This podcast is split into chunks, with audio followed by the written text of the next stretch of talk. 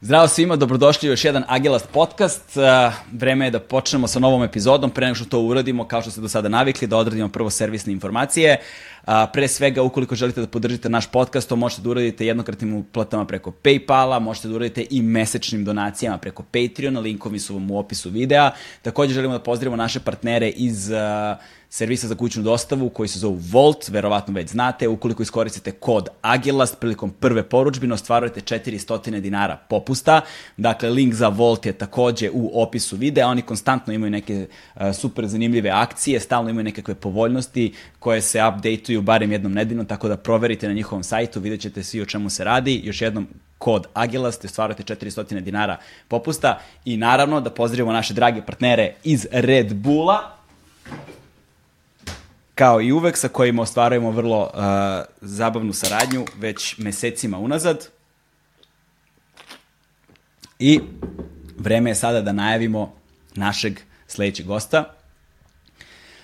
Naš sledeći gost je, pa malo je reći, legenda uh, jugoslovenske muzike, prvenstveno bluza, i po, veoma je poznat u blues krugovima, poznat je u jazz krugovima, čovjek koji je imao prvi blues band na prostoru bivše Jugoslavije, čovjek koji je objavio prvi blues album na prostoru bivše Jugoslavije, čovjek kroz čiji sastav su prošli, kroz čiji sastav je prošla stotine, e, stotine i stotine ljudi su prošli kroz njegov sastav, koji su danas svi afirmisani muzičari, čovjek koji je pre svega hroničar jednog vremena, hroničar jednog grada, hroničar jedne zemlje i koji ima sabrana iskustva takva da se nadam a, da u ovom razgovoru će sve pričanje ovaj, pre, spasti na njegova leđa, a da ja neću reći apsolutno ništa.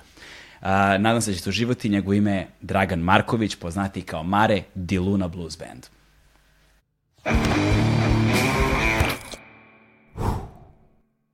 Hmm.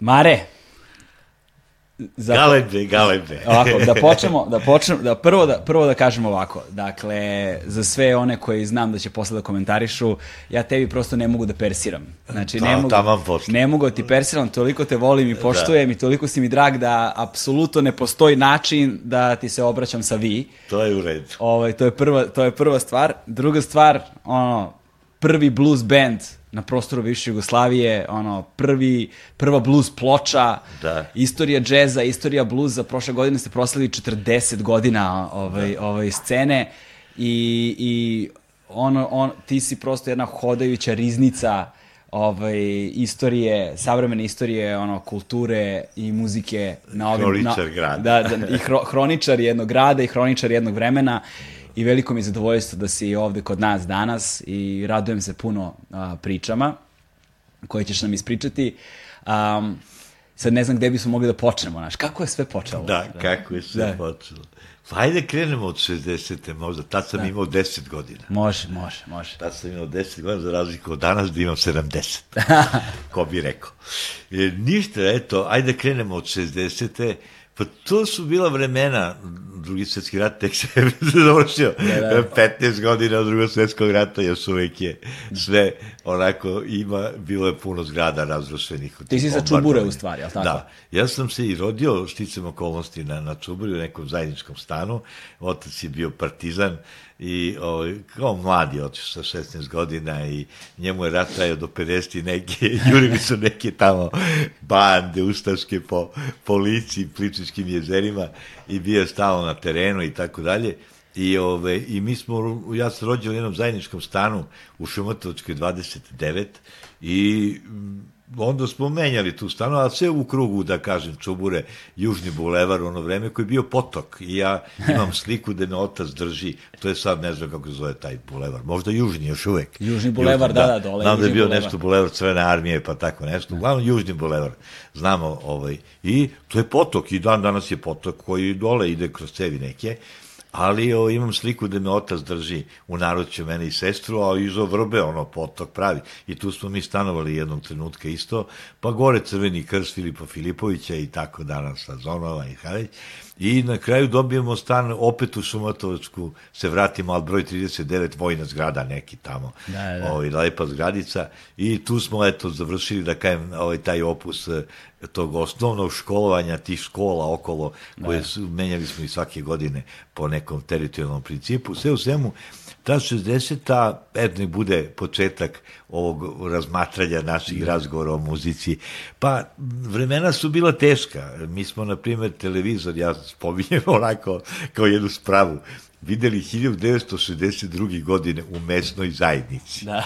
u kojoj se glasalo, igrao se ping-pong i onda se televizor doneo i tad smo videli, ja sam ga video sa jedne udaljenosti jer je takva gužva bila kao na utakmicama, da sam ga iz daljine video i ta, ti prvi televizori su bili takvi da, da im je slika išla gore dole. Da, da. Pa uvek je neko ko je blizu televizora znao to da namesti kao Da. on je majstor za televizore, pa je ta sinhronizacija što vertikalna, što horizontalna izmicala kontroli i normalno te serije su tad počinjale ovaj, serijska stanica, serijsna stanica i tako mi Aleksić, da? i to su prvi, da kažem, pokušaj, to je, znači, 58. televizija kod nas, ovo je 60. 62. mesta zajednica, eto, televizor. A električna gitara, to ne postoji. Ne. To, to, to si čuo da ima neko i u to vreme smo imali neke neke ploče, tako 45 obrtaja i tu neki Tommy Steele kao Polenka i tako neki tipovi, a električna gitara, to si mogu samo na slici da vidiš, to nisi nigde uživo mogu da vidiš. Ovaj, hoću da kažem, to je već 62. godina. Da. To su teška vremena bila, ali mi smo bili jako srećni iz razloga što smo svi bili ispred zgrade. Znači, da. nije bilo obdaništa i ostalih onih institucija i svi smo bili ispred zgrade i sva deca ono Beograda su ovaj bila na ulici, tu se igrao futbol ili šta već redom, e, neke deče igre, kao u Indije, ne znam šta, i svi smo nagomili, samo oni viknu s prozora tamo terase, ajde kući ručak ili ne, ako ima ručka, ako nema, nema veze. Ovaj, ja sam u to vreme, otac mi je bio, ovaj, otišao u Sarajevo, isto službu vojnom i tako dalje, i onda, šta mi smo ostali, nemamo hleba da jedemo, znaš, i ovaj, nemamo ni nameštaj u tom stanu, spavamo u jednom ćošku, Jorgan je tu prostat, mi oko mame, a ja sam bio majstor za Kalenića u pijacu, No što mene pošalje mama s 10 godina, nabavim, ma ko sad za 200 dinara, ceo ručak je tu, da. čak ima i kobasica, ovaj, kupus i ribanac i tako dalje. Bila su vremena teška, da kažem, ali bili smo jako srećni. Niko nije smatrao da je kraj sveta, jer je neki optimizam postojao da će nekako biti bolje. Da, da. Znači, nismo ni, ne sam verovali bit će bolje.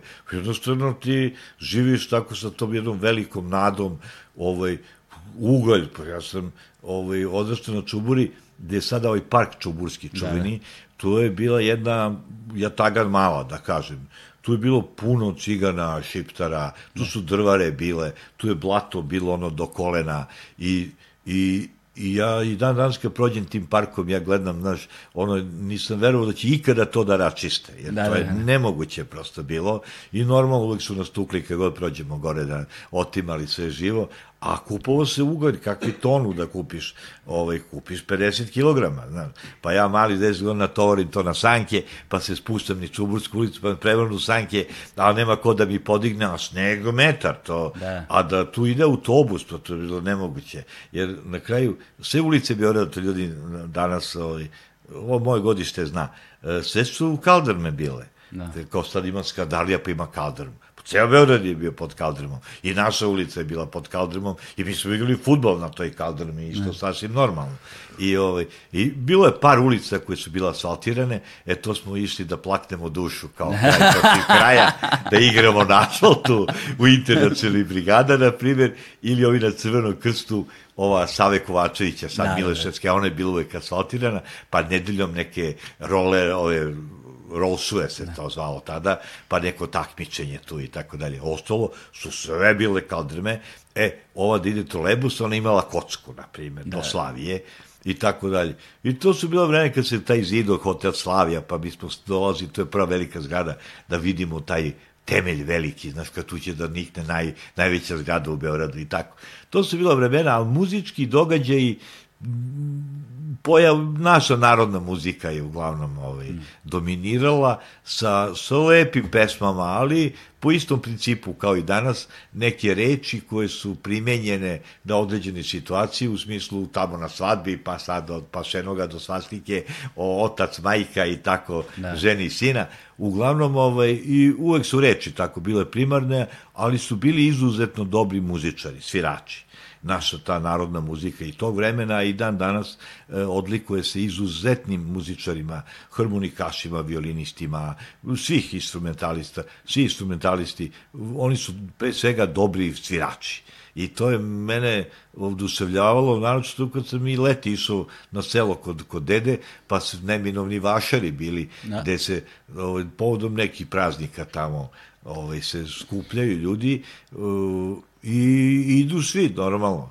I ja sam gledao te harmonikaše fenomenalne i po Srbiji dole Manastir Kalenić ili ovde na Kosmaju, na što su imena čuveni Toka Ćirković, pokojni normalno Čikica, najbolji harmonikaš ono, Srbije, ovaj, ili ovde Barajevac Rade iz Barajeva i Buca Mir, ovaj, Jovanović i tako dalje.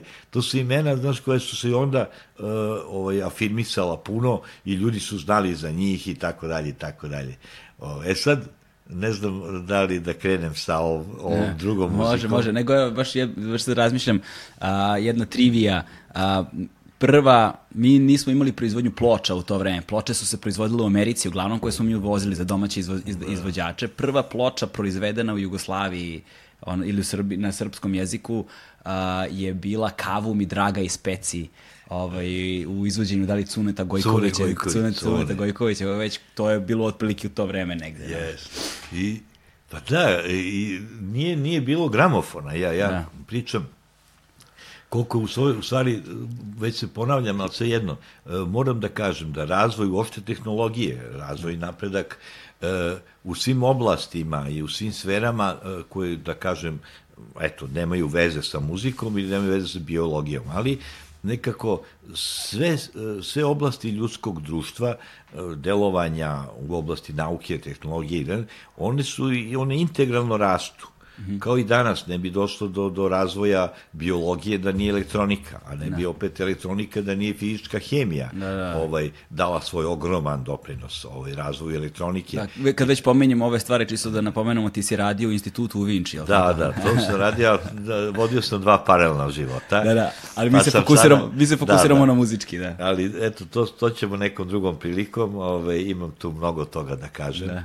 i sam sam bio uspešan u tome ali sam, ovaj, eto, prosto imam pregled da je ta tehnologija i razvoj doprinao normalno i razvoju muzike. Mm -hmm. Te u tom smislu pojava tranzistora kao e, komponente, poluprovodnici i tako 50-ih, i posle i čipova 54. koje je već Texas Instruments i tako, on je doprinao razvoju da možeš e, da i u, u ovoj komercijalnoj upotrebi kupiš nešto što je vrlo jeftino, a to je gramofon, na primjer. Ne. To je bilo nedostupno svima nama, televizor, nema spara da kupiš kakav televizor, eto, u mesne zajednici možda ga vidiš, ali, ovaj, a onda kad neko ih kupi, onda smo se skupljali po stanovima da gledamo neke važne događaje, tako sam, na primjer, 100 godina ovoga, kako se zove, Englesko futbolsko saveza 63. gledao, to su bila puna soba ljudi kod nekog drugara koji imao televizor.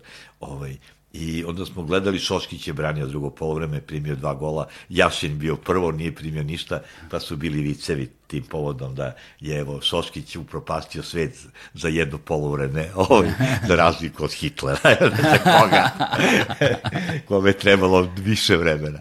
Dobro, sve u svemu, ovaj, e, to je bilo, takva su vremena bila. E sad, gramofon, to nije niko imao kako da imaš gramofon. I sad, onda se pojavio tranzistor, kao i sad ti možeš da napraviš jeftin gramofon sa dva neka tranzistora i malo tu zvučnice, tu upakovano kao neko malo koferče i to je mogo svako sebi da priušti, ali još uvek si imao na tom gramofonu te formate, broj obrtaja, tip ploča, T45, T78, T33, 33 pola long play.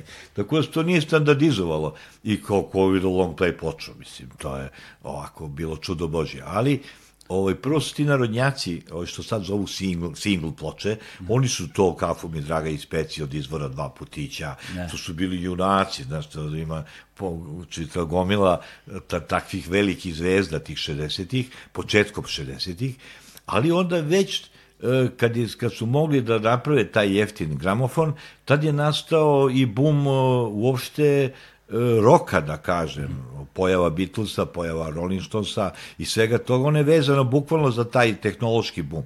65. godine i sad se štampaju ploče, mislim, Nat King Cole i tako, to su bile ozbiljne zvezde i to, ali oni su doživjeli tiraže koji su ovi posle, a samo zahvaljujući tome što, je, što smo imali svi već gramofone. Mm -hmm. Ove, ovaj, I kasnije, kad sam ja ovaj, snimao prvu blues ploču u istoriji ovaj, SFRI i Jugoslavije, Onda mi ovaj u PGP-u kaže moj drugar, ovaj, kaže, pa 30.000 gramofona ima u Jugoslaviji.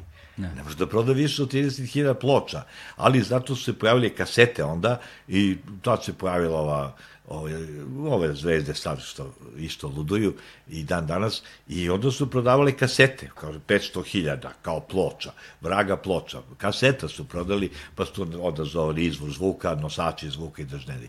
Ali ploča nije mogo niko da proda više od 30.000, toliko je gramofona bilo. Da, da. Znači, ovi su znali u PGP-u taj e, podatak, kao što i sad znaju koliko ima ovih uređaja, koliko ono, jer to je osnova njihovog delovanja i tako da kažem. I sad onda smo počeli i onda ko je imao neke veze s inostranstvom, onda su stizale ploče.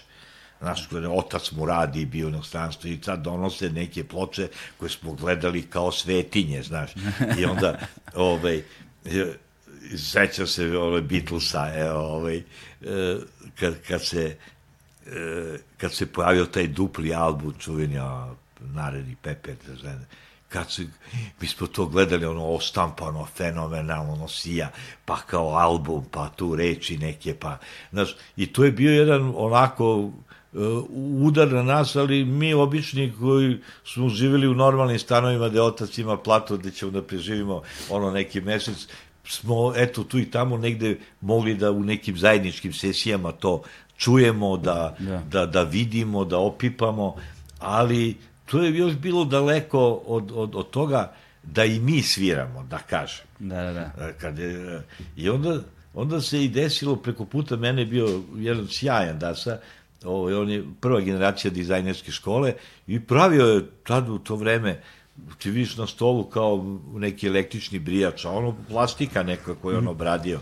I tako, i on je prvi tu preko puta mene stavio magnet na neku akustičnu gitaru i uključio radio. Ovaj, I to je bilo čudo Božje, znaš. I onda, ovaj, e sad, a o električnoj, baš električnoj, pa kao fabrički proizvod, to nismo mogli da sanjamo da, tome. Da, da. I ovaj, to redko ko da je imao i redko ko da je uopšte i znao da svira. -hmm. ovaj, ali nekako su se vremena, e, ja danas kad vraćam, toliko brzo odvijalo sve Da to ja se čudim da, da, da, da sam ja uopšte uhvatio korak u svemu tome. Iako ja sviram od pete godine. Znaš, ja sam bio ovaj, u izvesnom smislu čudo deteta jer sam oženio pola čubure. Znači, kao ovaj mali, on zna da svira. Znači, ja sam sedam godina pare, sve, oženio sam po čubi, jedno sam ženio konobara jednog u Skadarliji, kad me vidi, beži od mene. Tri puta sam ga ženio.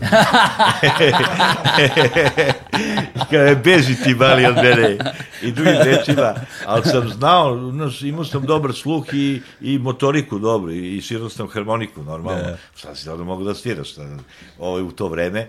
I, I bio sam zaista čudo deteta i uzrođivo sam pare i znao sam, nema, takav sam sluh imao da kogod počne neku pesmu, to Šumadija, pošto je moj deda, ja sam iz muzičke porodice, moj deda svirao frule i svirao je te svadbe vašare i bio je majstor frula i moj redenik ovde frula samo vadi i kad ja sam ceo repertoar mog dede preuzeo ne. i sam ja pao s neba, znaš sad kao, ne. ja sad smislio blues, mislim, nemoj da, znači ja sam e, čovek koji voli muziku pre svega i poštujem sve te žanrove, samo da se pošteno svira i da si ti zaista taj. Ne. ne možeš da foliraš da si etno džez, a ne znaš da odsviraš užičko kolo, a ne znaš džez. Mislim, da, ne da, da. da. Znači, ovaj, drugim rečima, uh, uh, prošao sam to i u 12. godini sam video na romanu tamo preko puta ovaj, neku gitaru koju neko kupio i stoji. Onako obična akustična gitara i ja videvši tu gitaru, kažem, svira niko ne zove, mogu da uzem, može. I ja sad, pošto na basovima je kvintni krug, ja sam odmah C, G, D, D, D, ja sam pretvorio akorde, desnu ruku polomio od čas posla, dobre uši sam imao, ja sam sam naučio da sviram gitaru za dva meseca, bez ikakvih problema. Ali, ovaj, nešto sam drugo htio da kažem važno. Da, zašto sam ostavio ovo profitabilno zanimanje? E, opet ni mi se dopadalo galebe, jer i sad isto odbijam bilo koje primanje novca u toku naših sviranja. Da. Znači, dogovorim koliko košta koncert, da li fiksno, da li karte, ali ovo da neko priđe pa da mi nešto daje pare, pa da pritom uslovljava, ajde još jedno, ajde za mene, to taj ga nadrlja. Znači, ne. Da. to ne dolazi u obzir. Tako sam neko mali imao taj slobodarski duh, da nisam volao to uslovljavanje i odmah sam to rezao. Znači, mm -hmm. A to sa time nije išlo i onda je to počelo da me nervira i onda sam to stopirao potpuno i jedino je bilo za kućnu upotrebu, moja da. mama je lepo pevala i onda kad dođemo napravimo onako jednu veselje nedeljno ili šta već, mesečno i za njenu upotrebu i uopšte tu si komšiluk skupi, ali sam imao to iskustvo sa ljudima i uvek sam svirao, što se kaže, za pare i za ljude. Da, da. znači, ja nisam nikada svirao bilo šta da sviram na plaži, pa gitara, pa prekrštene noge, pa da. sad dam sve reči ovog sveta i pevam aseke neke tu. Znači, moj motiv nisu bile devojke uopšte, ja sviram gitaru, znaš, pa nosim na more, kako sam na...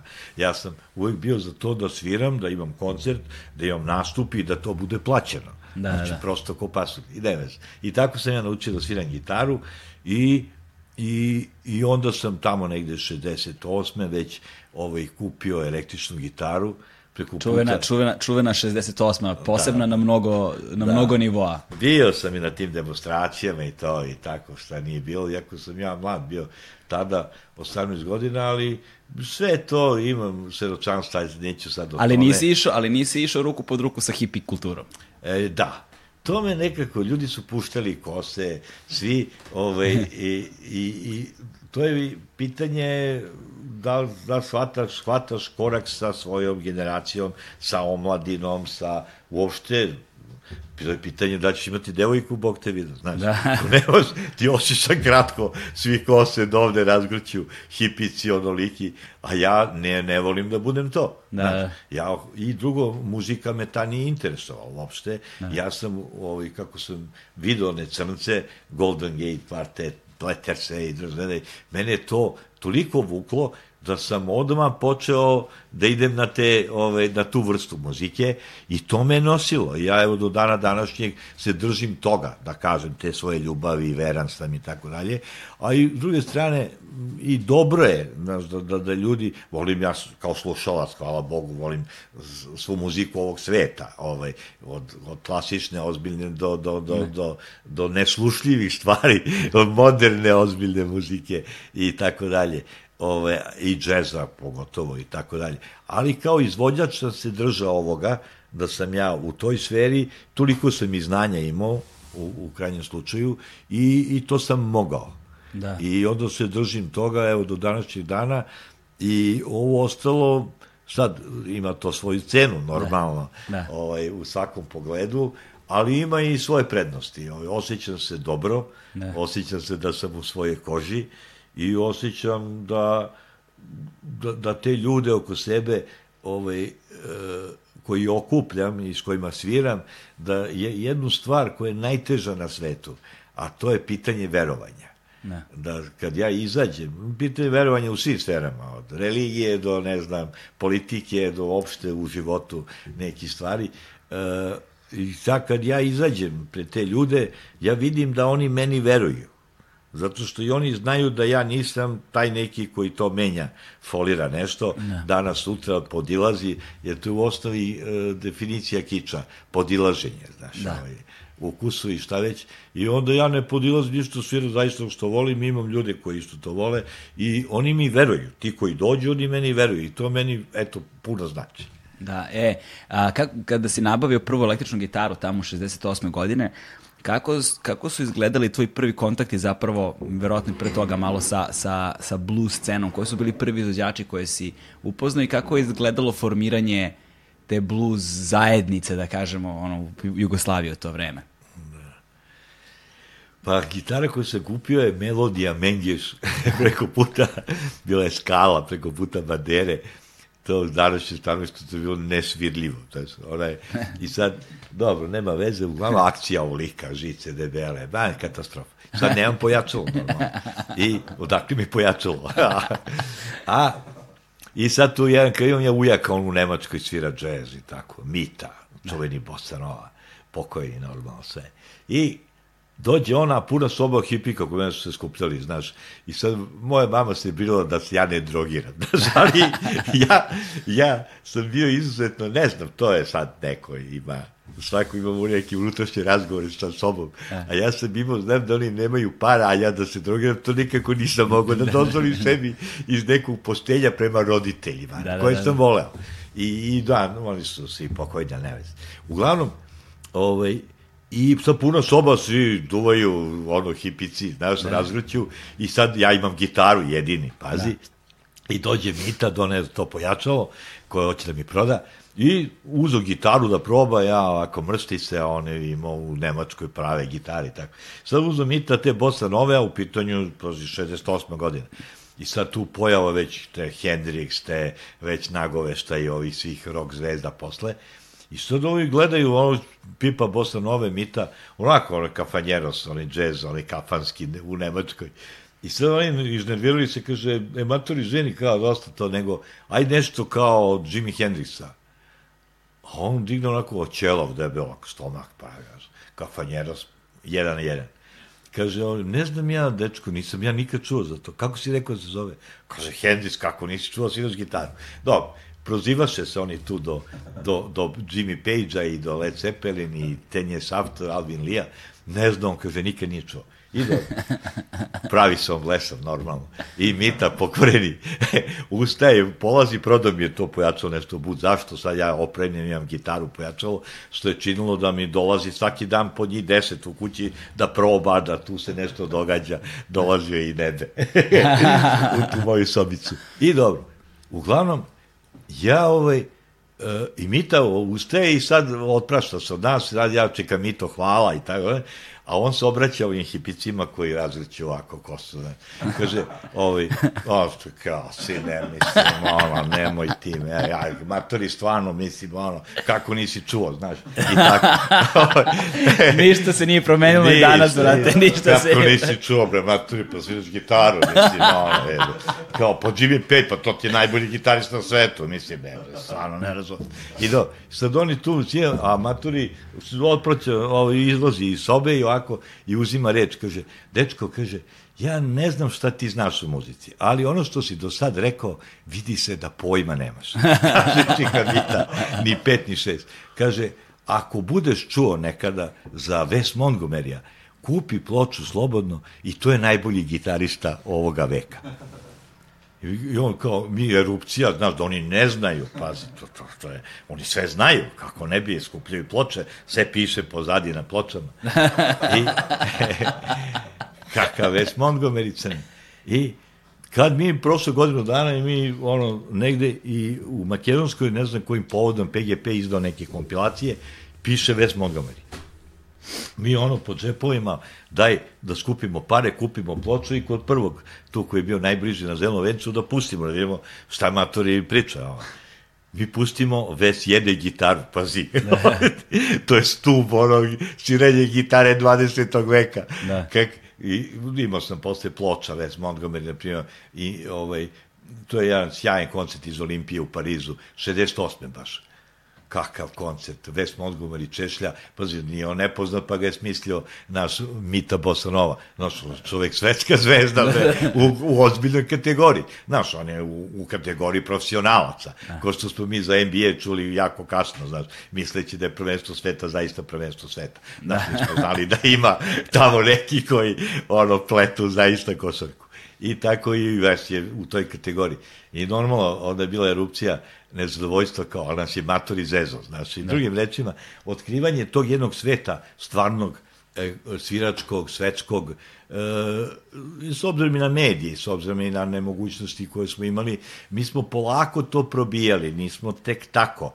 Ovaj, ali blues koji je meni bio, da kažem, onako putokaz, je, otvorio mi je jedan, jedan sjajan dasla, on se zove Mike Bloomfield. Mm. Ovaj, I on je isto umro od neke droge tamo, 70 neke, ja? i Čikaga.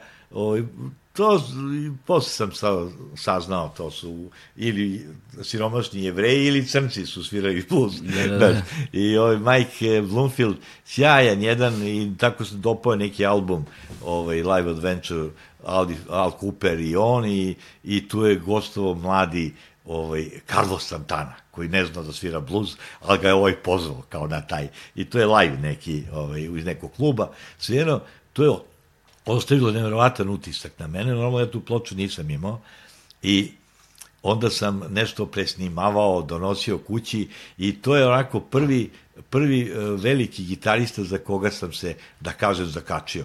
Ali on toliko dobro svira, mislim, i to što je odsvirano tada, da ja to ni dan danas ne umem da odsviram. ovaj, kao naučit ću, neću naučiti nikada.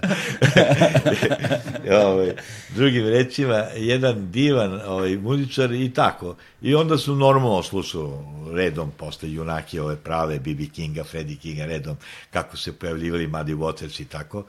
I, i onda, onda se, umesto da mi idemo u svet, ovaj, svet je došao kod nas. Ajde, tako se izrazim. Ovaj, šta se desilo? Počeli su jazz festivali.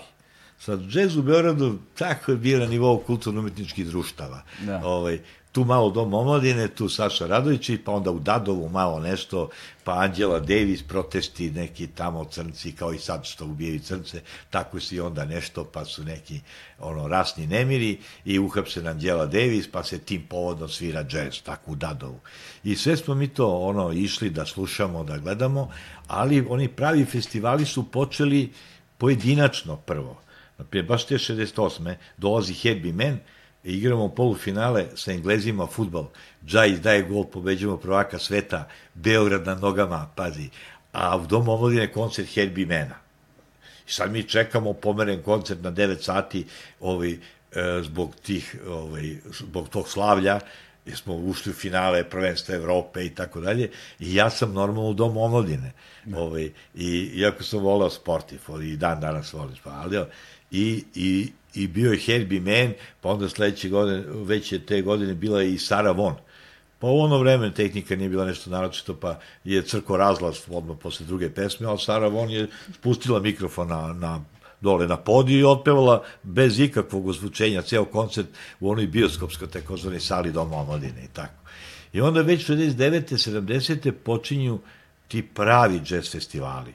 I dolaze oni prave mrge, i tu dolazi, na primjer, prvo Charles Mingus, ovaj, Mingus koji i dan danas ga smatraju najboljim džez i uopšte, uopšte, apsolutnoj kategoriji kontrabas, ovaj Mingus, ali stvarno mrguđen, samo skrguće zubima kad svira i mu je strašan bend, on neka Anita O'Day i bio neki Matori Air Fatah Heinz. I tako, to je početak, da kažem, nečega, ovaj, što se u Beogradu događalo između, ne znam, Phil Woods, koncert Dom omladine i tako tu i tamo pojedinačno, ali kao festival i onda kreće eksplozija 71. Znači, dolazi Duke Ellington sa najvećim svojim bendom.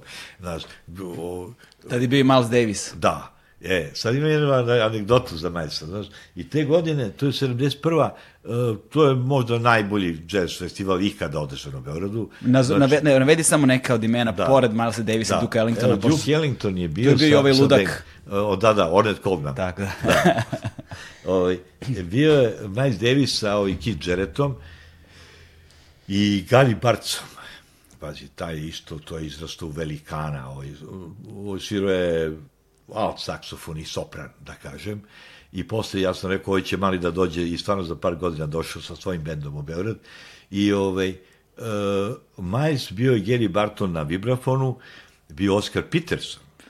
E, Oscar Peterson, gledao sam ga, to je najveći jazz klavirista, ali svih vremena.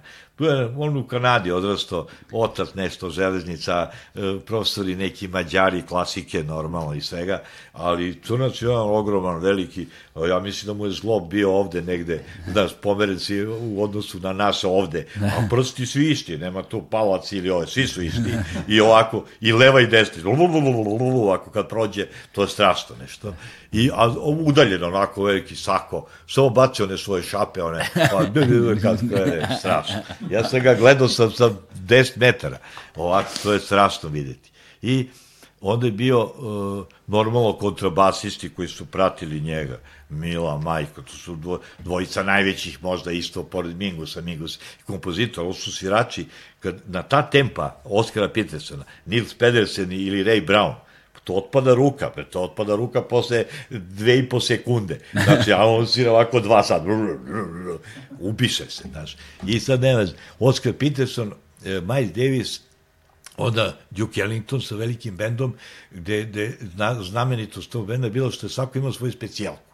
Znači, kad on izađe da solira, sad ovo ima ono uh, beskonačno disanje na da. primjer. Pa kao, blu, blu, blu, blu, blu, mi sad tapšemo. To je cirkularno beše cirkularno, sviranje, cirkularno tako sviranje, tako, tako je, da, da. Cirkularno. Sad on uzima vazduh isto vreme i svira i šta mi ono sad tapšemo, ovo i dalje mi opet tapšemo, ono pet minuta, rekao, znaš što ovaj diše, bog te vidi.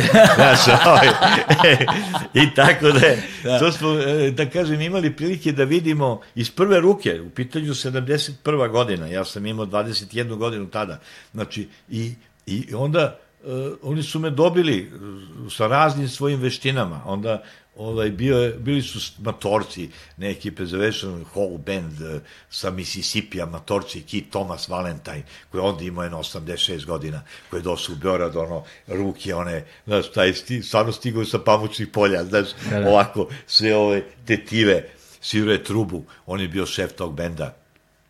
Onda bio je, bio je, da, i bio Ornette Coleman Ovaj, to je jedan, jedan čudak koji, za koga ja kad, kad pričam ovaj, priče, kažem da je za njega Miles Davis u to vreme bio Beogradsko proleće. Da. Znači, to je najveći ludak koji ikada kročio na neku scenu džeza, ajde da kažemo, na ovim prostorima.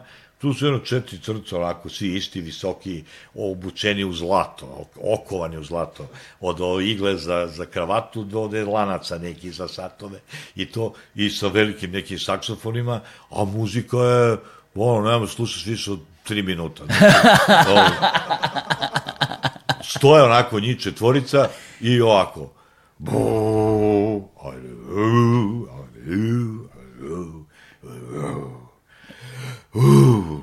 Uh, uh, uh, ja. To traje pola sata, sa ljudi gledaju. Znaš, ovaj nas zafrkava načisto izgleda. Kad ono odjedan put da se spusta taj saksofon, mi ne znamo ko je on nad su svi isti. Znaš, a do to na, najava kao, dobro večer Beograde, kako to ne postoji, on ne priča ni sa kim. Ona misli ni sa ženom da ne priča, sa, sa nama će da priča. I sad on, spusta saksofon tako dole, pored sebe i prilazi klaviru. Mi sad gledamo onako, normalno pola sali izašlo, še sluša budalu. Znaš, i sad, on prilazi klaviru i ovako uzima, mi nismo bili violina, i ovako uzima violinu sa klavira i kad je sručio jedno minut, neki virtuozne po violini, bum, bum, bum, bum, samo, spusti na klavir, vraća se, ovako, saksofon aju, aju. To je trajalo, mila majko, sat i po, ja sam izašao normalno, ovaj, ali pričajući ljudima, ima snimak, RTS ima, ja radio Beograd, ima snimak tog koncerta. To je najstrašnije na svetu. A, a dan, dva pre toga je bio Miles Davis. Mm -hmm. E, ta anegdota za Milesa Davisa. E, I sad, ljudi ne znaju, ovde, znaš, sad, e, ima ti Stonesi, pa kao oni su opstali, pa ja mene to, te priče toliko nerviraju. Znači, šta si, bre, ti opstao, bre, idu doktori za tomu, drugiraju te sve normalno. Znaš, on došli si u Beograd, pa ima beli klavir u, u backstage šta će tebi back, beli klavir backstage-u, izvoljevaju, hoću da kažem, da. i to me užasno. Jedan, u to vreme Miles Davis dolazi, e, ima obavezu ugovornu da svira matine I on došao kao Miles Davis, kao najveći dasa na svetu koji izvoljeva. Ne, ne, imaš da sviraš od 18 do 19.30, pauza pola sata, pa večernji koncert od 20 časova do tamo 10. Trolebus i poslednji ide u 11, a posle toga možeš, nema noćni, nema ništa. I sad, ovaj, jedan maj se svirao, znači matine. I sad ispred mene bio jazz orkestar Bubiša Simić. Čekaj, gde, gde je svirao Matine? O, sve u na isto mesto, u Domu sindikata. Domu sindikata. Znaš Dom ti to, sindikata je čoveče? bio centar 71. godine u pola sedam uveče ti dolaziš, ono, Miles u Davis. 18 svira- časova. U šest posle podne Miles Davis svirao Matine, a? Matine svira. Majko. Do 19.30, onda pauza pola sata, pa nastavlja večernji. A e, Gde smo nekad živeli? počinje, počinje koncert, e, nema Kid Jarretta. Pravo sa aerodromom vidi s torbom, Majs koji je bio mrga onako, dođe samo ga gleda, ovaj torbu i počinje da svira. A imao je dva klavira ovako u G, Rhodes i običan klavir, tako ne. Ovaj, Kid Jarrett i imao one mustaće i kad završi ovako, znači, mrdao, Majs ga gledao popreko onako, a Majs je, što kaže moj drug, bio još uvek deda, znaš, jer e, e, mi kad starimo muškarci, znaš, drugar je duhovit je i vajar, kaže meni, nemoj da se kiraš Markoviću, imaš još vremena da postaneš baba. Pošto sam već deda. Znači, imaš još jednu gradaciju, ne znaš ti kiraš. Praviš krofne. Deco, ajde krofne. Znaš, ono. Kao, nemoj se sekiraš. I tako, Majs je još uvijek bio deda, nije bio baba. Posle on postao baba. Ovaj, I, I tako je Majs crni ovaj, bio ono farmerke gore, e, mi gledamo ono, ono jakna od gornje, od farmerke, Texas sve, ono sašiveno, stepovi, znaš, mi smo sve gledali, jer smo bili, znaš, mi smo bili viši stupanj divljaštva još uvek, znaš, da sve živo, ovaj, kakav crni, znaš, nisi vidio takav, takvu jaknu Teksasa, ono, stepovi neki, majs ošiša normalno i samo i dalje šetao po bini, svuda neka u ono vreme nešto naranđasto po bini, svuda, to je bilo isto neobično, i on malo pije, malo izađe s bine, malo se vrati nazad, malo šeta, ovaj, ovaj Geri Barcu, on se ubi na saksofon, on je, znaš, dvojica, ono, do pola goli, kao onim filmovima, one naj, oni špica, oni, oni, ovaj, udaraju, nisu stali dva sata. Udaraju on ništa, ovako prođe pored njih, oni ne, ne, ne, ne da stanu. Znaš, klavirista ovako, ovaj, Kid Jarrett isto ovaj, popreko gleda, što je zakasnio, valjda je štali, i vidimo ono ustrojstvo surovo i izađe on, vrati se, e sad ispred mene ceo jazz orkestar na čelu sa Bubišom Simićem, tu Sjepko Gutmića, Marković, onda, odašnja generacija. I, pa nismo, govorimo o Matinevu, 18, pa nije prosto 15 minuta Bubiša kao dirigent, ljubi ovaj Bubiša Simić, čuveni Vojislav Bubiša Simić, ovako ustaje, čikica, i kaže, mogu i da opsujem, ali ovaj, on nas zajebava, kaže za Miles Davisa, i demonstrativno ustaje, uz poslušnost celog benda i svi za njim izađoše ceo red ispred mene. Ceo jazz orkestar je izašao sa koncerta Miles Davisa tog u 18 časova, kao, ona zezda, bre, šta je ovo, nije, to džez, nije ništa, kao, znaš, vidimo malo svira trubicu, onako, koji sad, ono, kad gledamo, ode u ćošak bine, pa nešto, tu, tu, tu, pa neke zvuke proizvodi, ovo je koji nas zezda, bre, znaš, a to dobroveče Beograde, ja sam Miles Davisom, a to ne postoji, znaš, to je sve goludak. I, i, uh, šta je bilo? I ništa, ja ostanem normalno, ću da čujem i uveče. Uveče puna sala, fenomenalno, znaš, ovaj, i tako. E, onda prosle dva dana dođe Ornette Coleman, kao, o, majs, pitka muzika, znaš, ovaj, fina, ima temu, znaš, ima ritam, ovo nema ništa. Dobro, drugim rečima, dobro, bilo je Gary Barton, fantastična vibrafona i tako dalje, i onda počinje da kažem, uh, uh, onda Duke Ellington, pa kakav je to lik, taj Big Band, to je zaista najbolji Big Band svih vremena i tako imao sam sreću, uh, a on, repić neki mali pozadi, neke kran, tanke nogice gore, a ovde ima ono svileno, znaš, obučeni svi u crno, ono leptir mašne, sve to, fenomenalni svirači i specijalci ono za svoje instrumente u raznim aspektima i tako je. Uglavnom, to je bilo, znači, ta, i onda počinje normalno mi koji smo to slušali, mi smo bili znaš, sad se slušam Led Zeppelin, mislim, Deep Purple, mislim, se, se no, normalan, znaš, slušam prave igrače, razumiješ, da. slušam oni koji, koji znaju stvarno da sviraju, znaš, i tad posle sam čitao i sad, baš taj Mingus dolazi još jedan put u Beograd, ako njega nema bisa, znaš, on samo digne onaj kontrabas, a on je sad bio debel, imao 150-200 kila, i samo digne onaj kontrabas i izlazi a imao je bumljara neko Danny Richmond koji imao 35 kila i koji mu se okačio vrat, onako, e, osrađivali su 40 godina, Danny Richmond i, i, i Mingus. O, I sad, on okačio se oko vrat, e, misleći da će da drugi put kada je bio u Beogradu, da, da odsvira bis, a on poznat da ne svira bis. I on ga je izneo, ovaj se okačio vrat njegov i on ga je tako izneo sa bine i nije se vratio na bis normalno. Ovaj, to nije bilo osto, običajno kad je ono pitanje. I ovaj, drugim rečima, nagledali smo se raznih dio, oni ljudi, raznih karaktera, fantastičnih svirača i ovaj, I, I onda smo upijali to, znaš, nekako smo onda, dobro, i sad, i ta rock, i pop, neka kultura dopirala je do nas. Zanimljivo je, zanimljiva je priča u vezi sa time kako je nastao Studio 6 uh, RTS-a. Kako, kako su Tita navukli da kupi sve to. Pa, ne znam baš ta, te detalje, ali nema veze. Ne.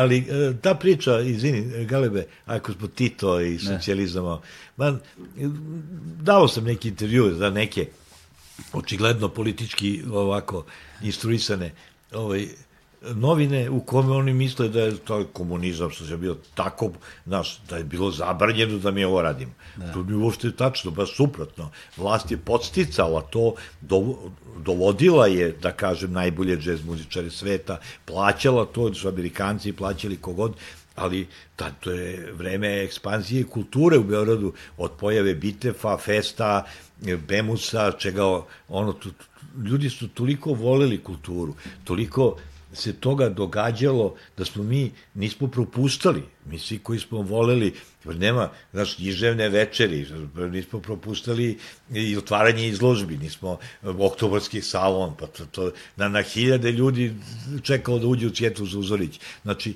e, svi smo, voleli smo kulturu, svi, bez obzira kog zanimanja bilo, moj fak je elektronika, ali to smo išli svi, naš kolarac, pazi, to je to sveto mesto, znači, gde smo i čekali ispred, znači, taj Pogorelić i njegov brat, pa i oni su upadali, mi sad čekamo, pa i ova Žebeljane, mislim, stvarno je ona u ovoj zgradi, ne, e, vidio sam znam. prezime Žebeljane, ne vez. Tu su bili mladi sve, i ovaj mi čekamo da uđu svi ovi sa plaćenim kartama i onda ovi na kolarcu tu su fini ljudi bili ovi klinci otvore vrata ono sa strane i mi ulazimo i sedamo po po stepenicama, po galeriji, po gde god nađemo i to je činilo atmosferu koncerata. Mm I išli smo, da kažem, i klasiku, ozbiljnu muziku da slušamo, i džez, i, i, i, i uopšte, eto, do, do, a to vreme, kakav socijalizam, kakav Tito, znaš, to njima, ovaj, to se sve posticalo i omladina je bila gladna te kulture. I ta generacija naša, da kažem, naša, mm -hmm. ovaj, je toliko davala e, na značaju svemu tome, znaš, da nisi bio tamo, pa to, to, to, to, je, to je propust, fatal error, kako bi se reklo. Dobro. Dakle, ta 71. godina je zapravo uticala strašno taj prvi veliki jazz da, festival da, da. na ono eksploziju te scene Jeste, na ovim jazz, prostorima. Jazz scene i tako. E onda već, već sledeće do, i, ne znam, Ray Charles sa svojim onaj najboljim onim sekama, prateći vokalima, sa svojim bendom, došao Kenel Bolederli, došli su, Freddie Hubbard je došao. Ah, ljudi moji, to je najveći trubač koga sam čuo u životu. To je i on visoki crnac koji je umro, nažalost, od raka, baš usana i tako dalje ovaj, završio je tužno, ali to je bio mlad, u snazi, visok, skoro dva metra, znaš, svirao je trubu, božanstvo, ima orkestar, a sve mladi ljudi sa Berklija, što bi se reklo, je tako nešto, koji su ga pratili, nisi ono krenuo da, da njima digne ruku ili nešto, da, a tu je kompleksno, beskrajno bilo. On, gledaju ga u leđa, on diriguje kako udiše, Bog te vidi, oni ga gledaju u leđa. Ja sam gledao to ovako sa, sa, ovaj, sa 10 metara. E da, e sad na ovom festivalu 71. propustio sam jednu najvažniju stvar. Bili su takozvani giganti džeza. Znači, to je jedna institucija u džezu gde sviraju zaista giganti. Tu nema sale. Ovaj, za klavirom je bio Telonius Monk. Imao sam prilike slušati da. Telonius Monka koji je čovek koji redko dolazi u Evropu, inače, zašto ima problema sa svojom glavom, ali, ovaj, i u tom sastavu Thelonious Monk, Dizzy Gillespie kao šef benda, Te. Zamisli taj bend, brate. Za bubnjevima Art Blackie. koji je imao svoje messeđere i posle dolazi u Beograd.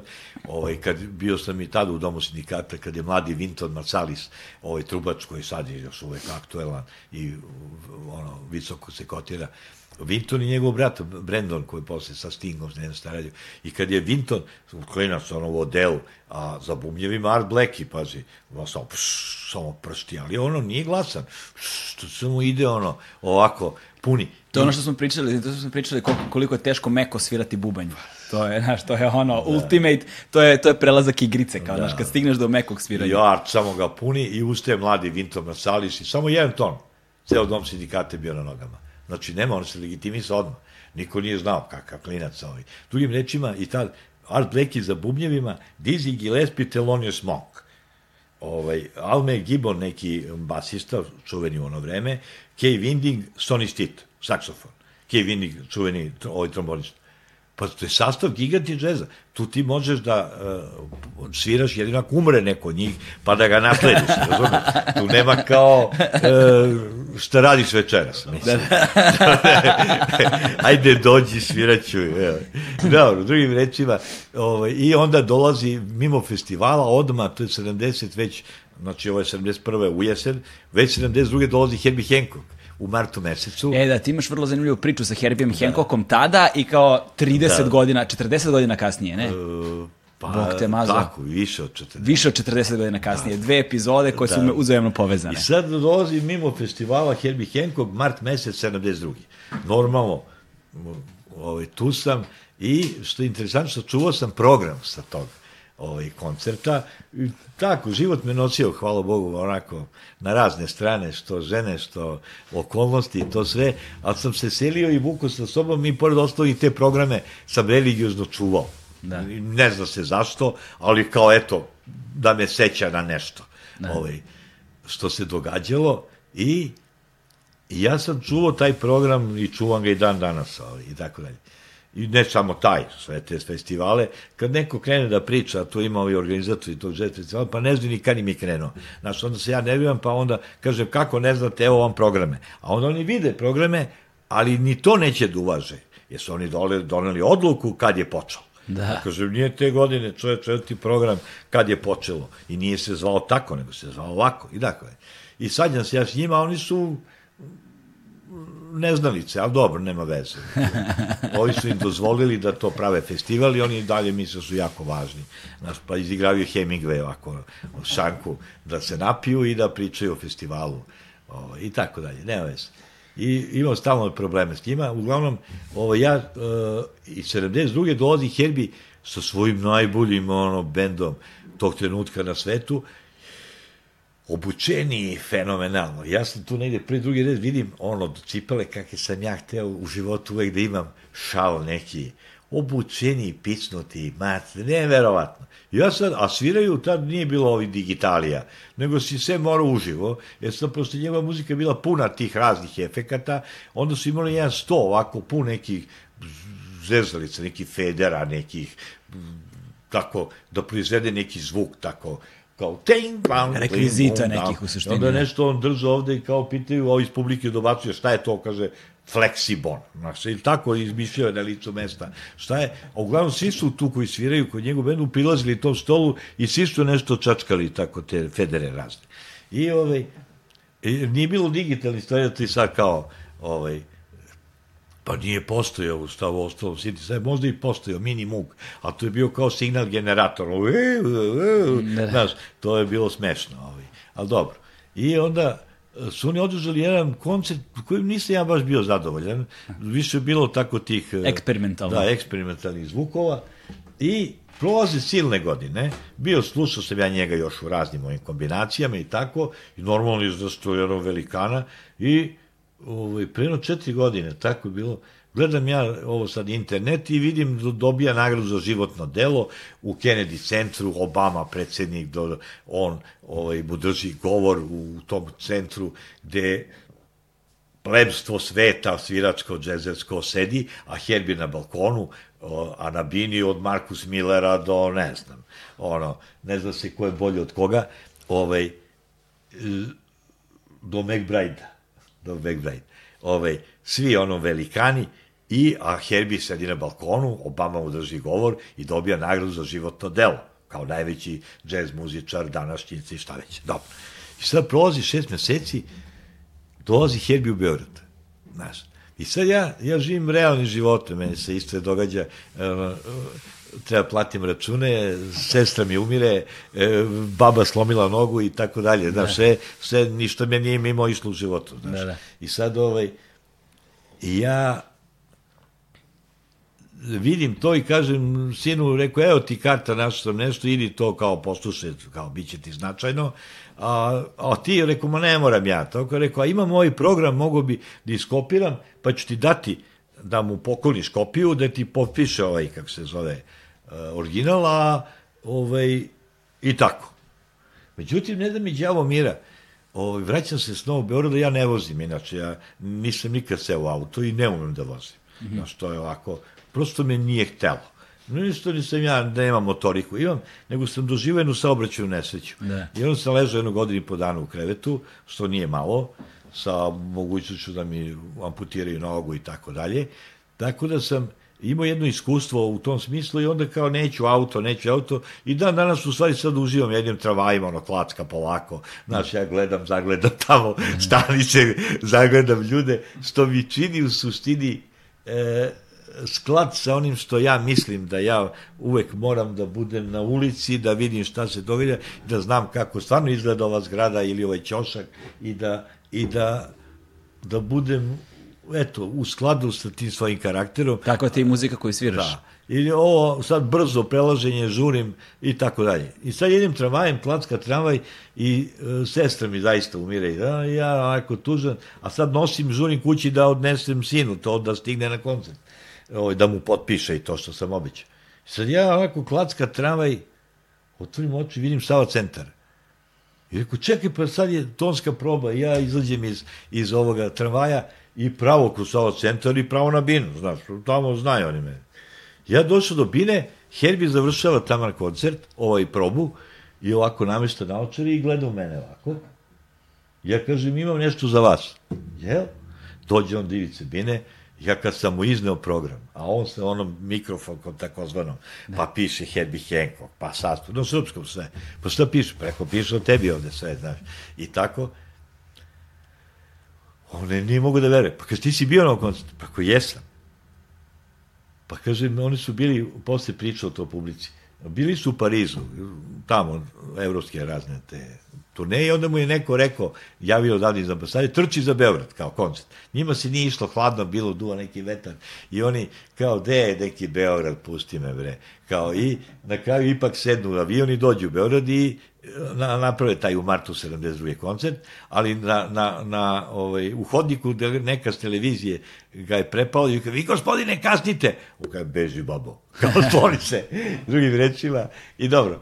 I sad on priča meni te detalje, ja kažem, bio sam, rekao, a ste bili obučeni, kažem ja njemu, Kako se kupili u Parizu sve. Znaš da ja, da potvrdilo se, čekam 40-50 godina da mi kaže da su se obukli u Parizu u cipele koje sam ja, znaš, ono, da, da. najviše volao na svetu. Našao sam ih ja u Parizu, posle ne znam koliko godina sam bio ovaj, išao sam tamo na te sajmove elektronike i onda šta obiđeš sajm za jedno prepodne, a posle tako šetarsku budala jedno pet dana po Parizu, pa sam našao ja i te cipele koje je imao Herbie Hancock tada, ali nema veze, to mu nisam, to mu nisam rekao. Da. I ovaj, uglavnom, i sad on uh, priča meni detalje sve i kaže meni šta ti radiš?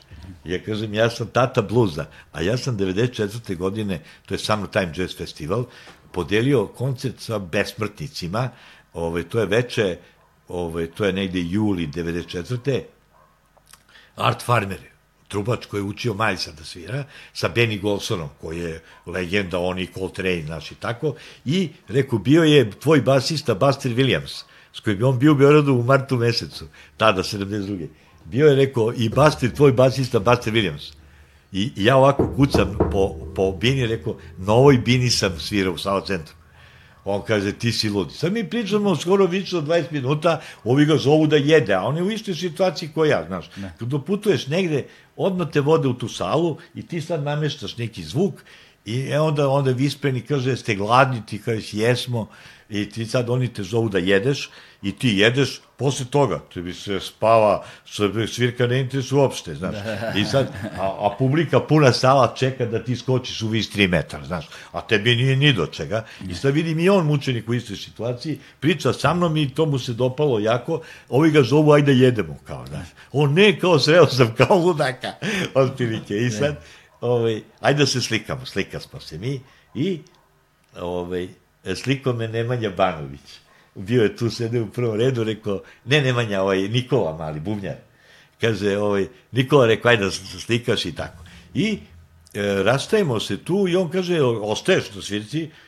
Pa ja zbunjen, pazi, onako, kažem Herbie Hancocku da nemam kartu, pa da sam dao sinu, znaš, pa bruka ja pocrvena onako, blago, ali ga lažem u oči da imam neka posla da. i, da, i, i da ću možda doći. Možda ja, Mare, da ću Herbie Hancocku i pitao ću da dođeš na moju svirku koja je za sati i nešto. Da, da, da. I ja onako, kažem, imam neka posla, sve i tu mi bacismo koske po ko zna koji put, ode on, uze srećan je bio beskreno, ja zguto neku faciku, potpisao mi original, kopija ovde ispod miške, ma mislim, o, mnogo je srećan bio, kao to ću u, u nekom legatu njegov da završi, ej, ne. kad je bio u Beogradu 72. na srpskom piše tamo sve, i da, ode on, ja krećem ovaj sad, gde ću man, rekao, ma, nemam kartu, Mare, šta će, sedi ovde, ne treba ti karta. I sad ja onako, ne volim te, si da, da, ne veze. Sedem ja tu neki red, javim Niđi, kako pričao sam sa njim, ne moraš ovo da potpisuješ. Sinu to jest. Da, da, da sinu javim. Jest. I inače, kaže, inače za ljude, tvoj sin je basista, takođe to odličan basista. Da. Svira zajedno sa tobom u bendu. A sad je počeo i da kosira kod drugih sve traže ga postoje. Izdote. Ući će u modu kao Peđa Milutinović. Skoro kao. Da. Uglavnom, ovaj, i tako, i sad ja, šta ćeš, I ja mu kažem to i sve i, i počinje orkestar, izlazi, sad ja nemam pojma šta se događa, stvari, glavna anegdota tek sledi, ovo je pred, ono, pred priča. I kaže, izlazi orkestar i počinje svirku neku i nema Herbija i evo ti ga Herbi izlazi. Drži mikrofon, ide od ivice do ivice i pita, je tu Mare? Cijel sam cepam zgranut. Ja ne čujem, ono odjekuje, suviše sam blizu, tu ovi organizatori ovaj vlada Ribel i oni, kaže, pa ma, čovek koji je bio na mom prvom koncertu, sad on traži mene, čovek ide od ivice do ivice i traži mene. Ne. Pazi, a ja sedim i ovaj vlada Ribel, pa Mare, kaže, tebe zove, tebe traži. I ja onako po inerciji ustanem i kao, kao u hollywoodskom filmu. Znači, sad u mene ide onaj veliki onaj reflektor, onaj krug, onaj spot. Ogroman. Ja onako bojažljivo ustajem i ceo Sava centar apludira, pazi. Ne a Herbi, kad me ugledao, bacamo koske. Znaš, gde ću sad idem do Bine ponovo, to smo sve obavili. Da. Sad nas dvojica, nas dvojica bacamo koske jedan drugome, a ceo Sava centar, a iza mene svi ovi junaci grada, da ne, ne upadim neki drugi izraz, od Vlade Georgiva do Cukića, ne. kao do Boje Pantića, značajnog ličnosti našeg džeza. Kaže, oj, gledaju šta se događa. Pazi, i nas dvojice bacamo koske, on oduševljen, Evo, tako taj koncert onda sad on priča u publici, šta sam ja njemu rekao, pa šta je on rekao meni, pa šta je on, tu dao sam mu šlagvort da je bio raspoložen ovako je skako zemlje. Na kraju je završio koncert što su se ko futboleri bacili grudima po onom prljavom po onom podu da. Sava centra Bine, znaš. O, toliko je bio oduševljen. Ali znaš, koncert bio bolji nego 72. Bio mnogo bolji. Znaš, dao sam mu, dao sam mu, ono, i sad izlazim, ja, kako se zove sa koncerta, zvoni telefon normalno nedelju dana, rekao, ovde Mare najbolji druh Herbie Hancocka. Da. I, ovaj, i uglavnom, javlja se neki tip moma, koji stanuje ovde sad u ovom redu, -huh. ne u ovoj tvojoj zgradi, nego tu negde. Mhm. -huh. ovaj, ko je tu nešto radio? Arhitekta neki. Kaže, e, Mare, dođeš mi pivo, zašto? Kaže, imam bre, snimio sam video, imam video tog događaja, da neko za ljudi, oj, Mare ga je stvarno preterao. Fiokno je totalno. Dobro, eto, to je jedna mala endokta, ali u suštini jedna posvećenost, evo, poruka neka mladima. Ako si posvećan, ako voliš, ako si ti taj ko, ko, koji to prati, eto, ko, ja što sam to sačuvao, te programe i to, e, to čini život. To čini život zaista, o, eto, ja nisam nikad mogao ni da sanjam da će eto to da mi se dogodi sad pre par godina, i, i, a, ali samo ostati u skladu sa svojim karakterom. Da. Znaš, i to slušati. Znaš, ja imam lepo mišljenje o mnogo čemu. Naprimjer, ljudi vole da odu u šumu negde, pa da žive sami, pa da love, pa da sami prave kuću, pa ne znam, potoci, pa ne znam, livade. Ja, ja sam to probao mesec dana i dovratio sam se u Beograd i šta rezultat tog mog istraživanja, sebe da kažem, jeste da ja bi najradije živo na terazijama, na onim ostrovu, znaš, da mi dignu šator i tu bi tako slatko spavao i sebi bi bilo lepo da ovako izađem iz šatora i vidim ljude. Da. Znači, znači e, meni, nažalost, ja koliko god volim to sad što sam rekao, livade, šume, e, lovo i u naljasi i sve, ali ja nisam taj tip, nažalost. Znači, i onda moram da se pomirim da videš i s kakvim čovekom imam posla, da se prilagodim tome. I, I sve vreme se prilagođavam u svakom pogledu. Mm. I ako praviš taj sklad, sad ne baš da se držim čvrsto, menjam se ja, korigujem e, to, ali e, držim da bude to sklad, eto, prosto. Ali posle sam, e, sad neću da skačem odmah, ovaj, ne. na, ovo sam napravio digresiju sa Herbijem, Pa eto, tako je počelo to. Onda su počeli da dolaze velikani džeza. Da. Galebe. Onda su od Sonny Rollinsa, Dexter Gordon, uh, Chet Baker, uh, svi bubnjari, od Tony Williamsa do, do, do ne znam, Alvin Quina, ovih oni, uh, Roy Hines, uh, to su od bubnjara svi živi su dolazili. Basisti od Charlie Mingusa do Pastoriusa. Sve sam i slušao uživo, znaš. I Nils Pedersena i, i eto, Alme Gibbona i, i evo i Meg Brajda, on je sad mlađi, a mlađi, on ima već 56 godina. Ovaj, znači, uh, saksofonisti svi, kajemo, Sonny Rollinsa do, da. do, do, do, do Dexter to je bilo, Gordona. To je bilo jedno vrlo specifično vreme uh, za Jugoslaviju tada, ovaj, jer naša kultura je u velikoj meri cvetala. Znaš, to, je, to, to je bilo vreme i kada su bili velikani naše književnosti i aktualni, da. imali smo Nobelovce, Eltivo Andrića, imali smo još sjase drugih ličnosti. Ovaj, u vezi sa time, da, to neko, neko vreme se otprilike dešavao i veliki skup na kome su se svi oni da. takođe našli na mesto. Nisu samo džez velikani bili, bili su i književni velikani isto. Da. To je 20. Galebe. oktobar bio, tako? Da, da, ti si divan, znaš. Mi smo, ja kažem, e, čitali smo knjige, takmičili smo se, znaš. Pa, imao sam razno društvo, sad ajde, Beckett, pa ne da im a, pa malo ne umire, pa redom ne. Znaš, Pa smo stigli do Lotramona, Isidor Dikaz, Grof Lotramona, to Maldorova pevanja, znači, to su najcrnjen deo literature svetske, ono, svih vremena, ta Maldorova pevanja, Lotramon i to. Znači, ali to je vreme 870. Rembo i tako generacija, ovaj Urugvajac neki i tako, sve smo znali pojedinosti i kad je umro, kad je došao i tako dalje i takmičili smo se i takmičili smo se. Prosto su bili jedan drugome uzori. Jer čitaj ovo, a vidi ovo, a vidi ono. Pa u oblasti slikarstva, u oblasti, a te književnost, to je ovako na posebna, onda su se izvajali neki oće filozofiju, pa smo išli na besplatna predavanja kod Branka Pavlovića na filozofskom fakultetu, otvoreno sve, znaš, pa sad ti tamo postajaš pitanja, šta mislite o Denikenu, Šta mislim, kaže Branko Pavlović, pokojni profesor, čuveni filozofskog. Šta, šta mislim? šta mislim? Pa kao polje dokaza je tako široko da ti iz tog gomile možeš da izvedeš dokaz šta hoćeš. Da smo mi krokodili, znači iz prilike. I tako, on je davao neke odgovore, ali mi smo bili željni svega.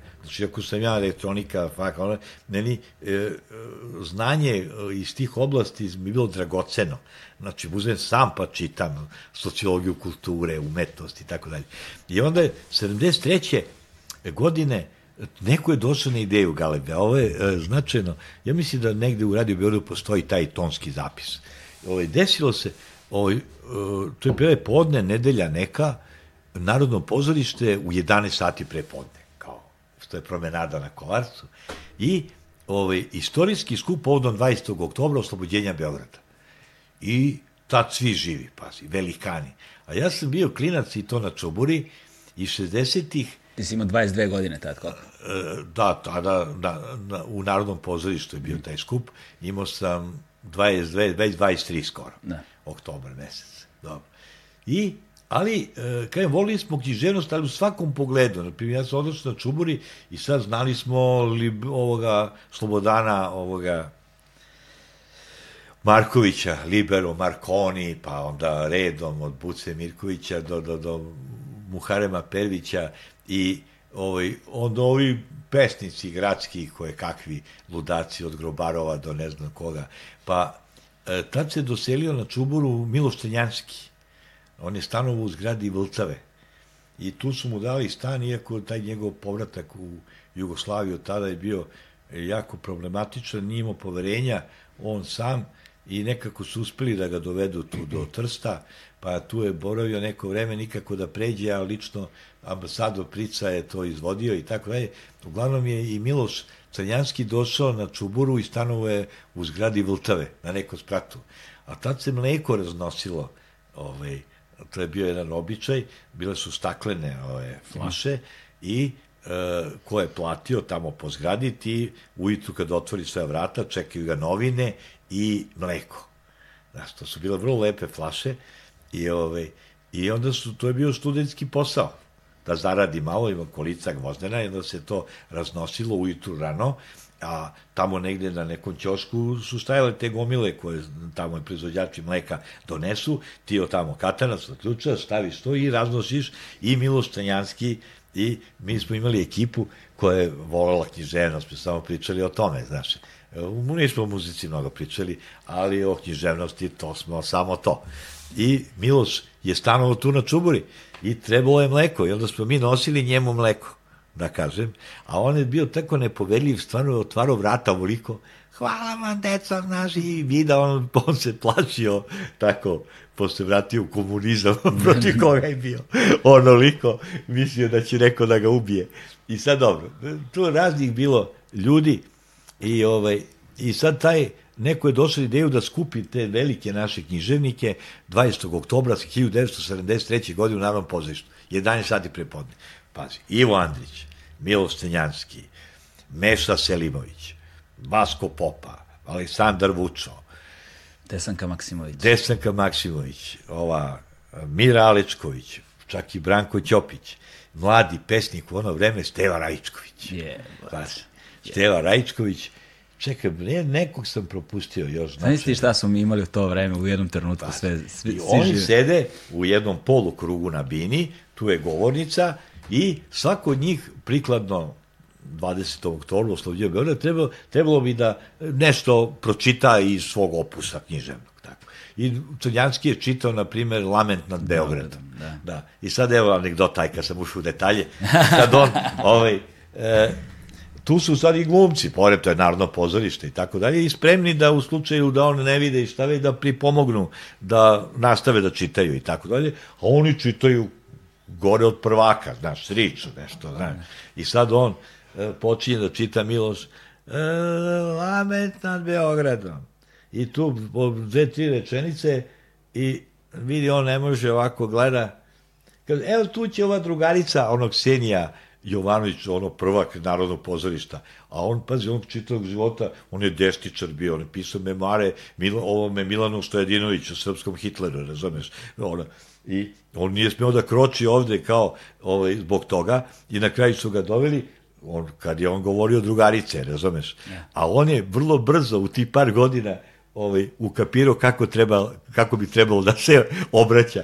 Kaže, evo, tu će ova drugarica da na, nastavi da čita. Normalno, cela sala je počela da se smeje, da je Miloš Rađe rekao Kseni Jovanović kao drugarica. Kao. I dobro, i on je seo i one su čitali, onda je izašao i ovaj, kako se zove, eh, Andrić, normalno, i Meša je isto čitao svoj Selimović i tako. Sjajni ljudi sede, onako mirno, čikice, naš, sala prepuna, gore grozdovi, naš ljudi, ja sam bio na galeriji, toj, gde sam imao baš pogled dobar na binu, i sad izlazi uh, Ivo Andrić koji je još gore čitao nego Miloš Tanjanski. I The more you know. on je čitao neku svoju pripadku Zeko nešto, trči negde. Trči Zeko. Zeko. Požuri. I tako, on je stricao mučenik, ovaj Sava čuti, znaš, i on tražio pomoć, tako, neke drugarice, ovaj, da mu nastavi čitanje.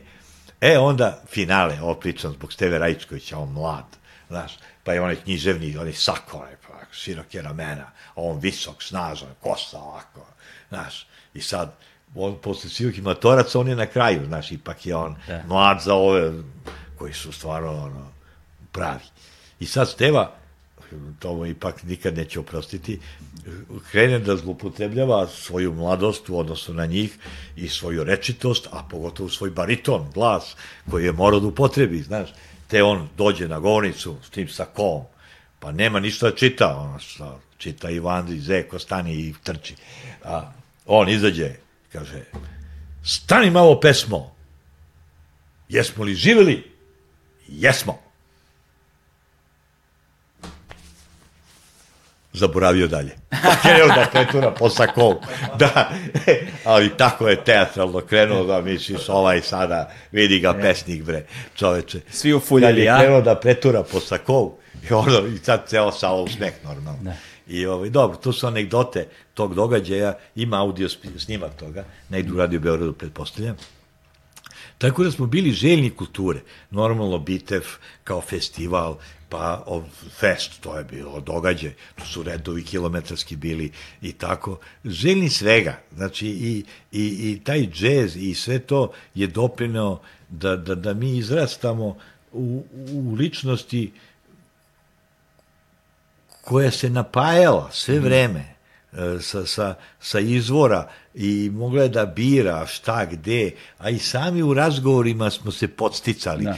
Kako mi je- završimo sastanke s devojkama, pa se nađemo u kraju ispred ulic, pa šetamo još sat vremena po Čuburi, tamo po Neymaru, da ispričamo e, šta smo pročitali ili šta Da. smo to veče možda gledali neki film ili e, da razmenimo čekamo se svako Da. veče, svako svoju devojku ne zna šta radi ili nema sastanak, ali se vidimo tamo u neko doba kasno i prođemo dole onim Neymarskim parkom i ono sve redom, da bi preneli jedan drugome ovaj, e, neku informaciju od, od, od duha i tako. Ovaj, sad ne znam odakle bih počeo, ali ajde da krenem, da nastavimo hronološki kako smo, kako smo krenuli.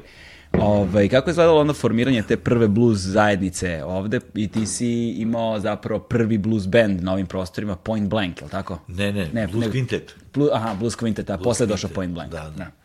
Pa, znaš, e, mogu Galibe da krenem, a? Može, kreni. Opširan sam Kreni, kraja. kreni, ne brini ništa. A, neće moći ni da se pretvori u emisiju. ovaj, šta je bilo? Uh, nekako B.B. King je bio 73. u oktobru mesecu. E, pa da, e, to, to sam hteo kao posebnu epizodu da pričamo, jer pre nekoliko godina kada je B.B. King uh, preminuo, ja sam pisao tekst neki o njemu, pa sam tebe zvao između ostalog, pa smo se prisjećali tog nekog svih tih epizoda kada je B.B. King dolazio. I onda smo poredili B.B. Kinga kada je svirao stojeći i kada je svirao Da, sedeći. da, jeste. I, ovaj, I taj njegov, ču, njegov čuveni koncert posle 91. pred početak rata kada je dolazio, kada je ispao mega šmeker.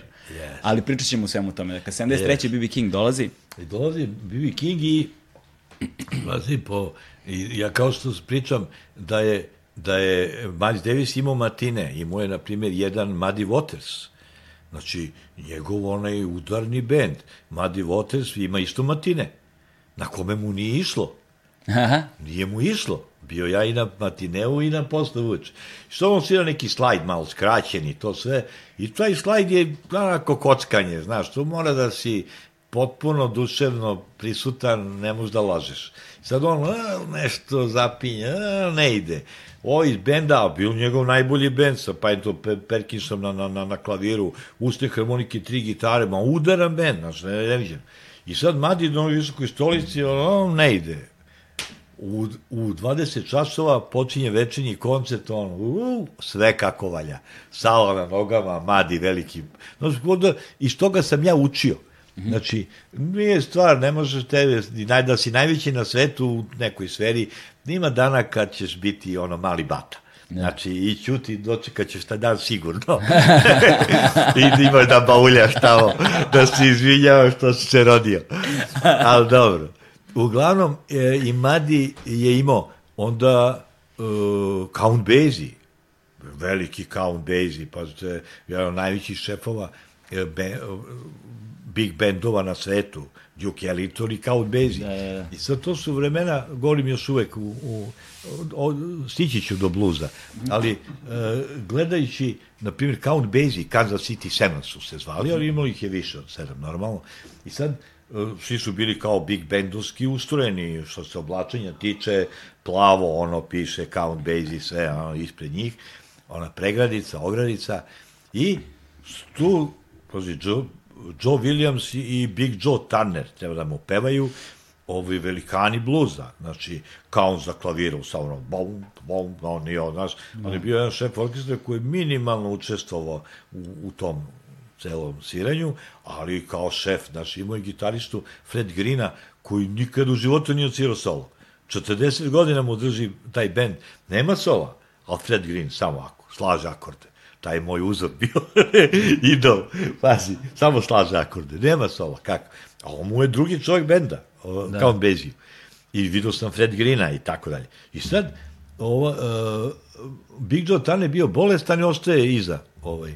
Nije mogu da peva, Joe Williams više peva onako, kao svi pevači, da se ispeva.